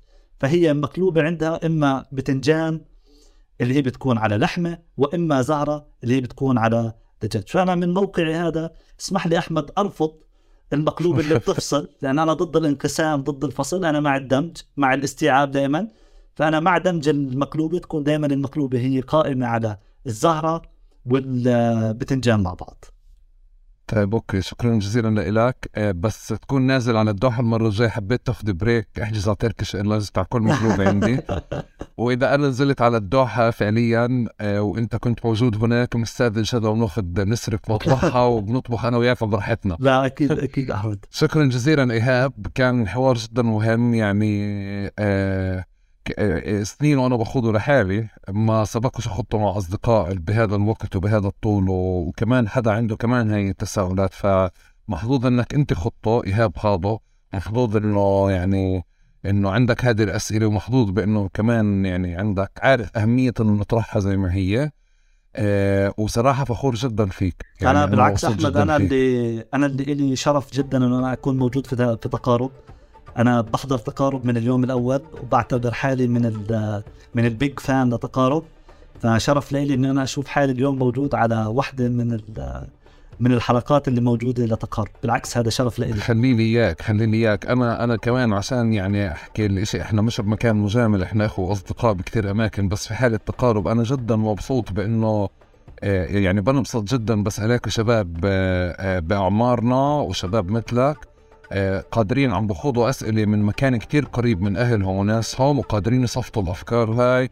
وكل المهارات البحثية والأكاديمية قادرين فعليا يحطوها في في المكان الصح من غير ما يسألوا أسئلة بعيدة أو يكونوا بعاد. ومبسوط جدا بشكل وطرح وسلاسة يعني الأفكار اللي أنت طرحناها. ممنون لك جدا. يعني الحوار كان صار مختلف تماما وأضفت لي أنا على مستوى شخص كتير بأدائك وب بخلفيتك وخبرتك وأسئلتك. شكرا كثير إيهاب. شكرا, شكراً. أحمد شكرا. يعطيكم ألف عافية. شكرا جزيلا لكم كان يعني واحدة من الحلقات الطويلة ومن الأسئلة اللي بسمعها واللي سمعها وصل لهون أو وصل لأجزاء منها وتأكد إنه لامست في ناس وقادر يعرف إنه آه، X و Y من الناس اللي هم أقاربنا وقريباتنا فعليا اللي بنسمع عنهم. بدخلوا جوا نرجع هيك نجرب نسمع عن عن حواراتهم أو تفكير بصوت عالي بأوضاعهم من غير ما نسقط عليهم فعليا أو نملي عليهم شو لازم يعملوا أو نحملهم فعليا. وزر القضية الفلسطينية كلياتها آه، آه، ووزر فعليا أشكال الرفض كلياتها. آه، شكرا جزيلا لكم يعطيكم ألف عافية. وممنونين جدا لكم على المشاركة وعلى الحديث عن الحلقة وحواراتها. ممنونين لكم. يعطيكم ألف عافية. شكرا.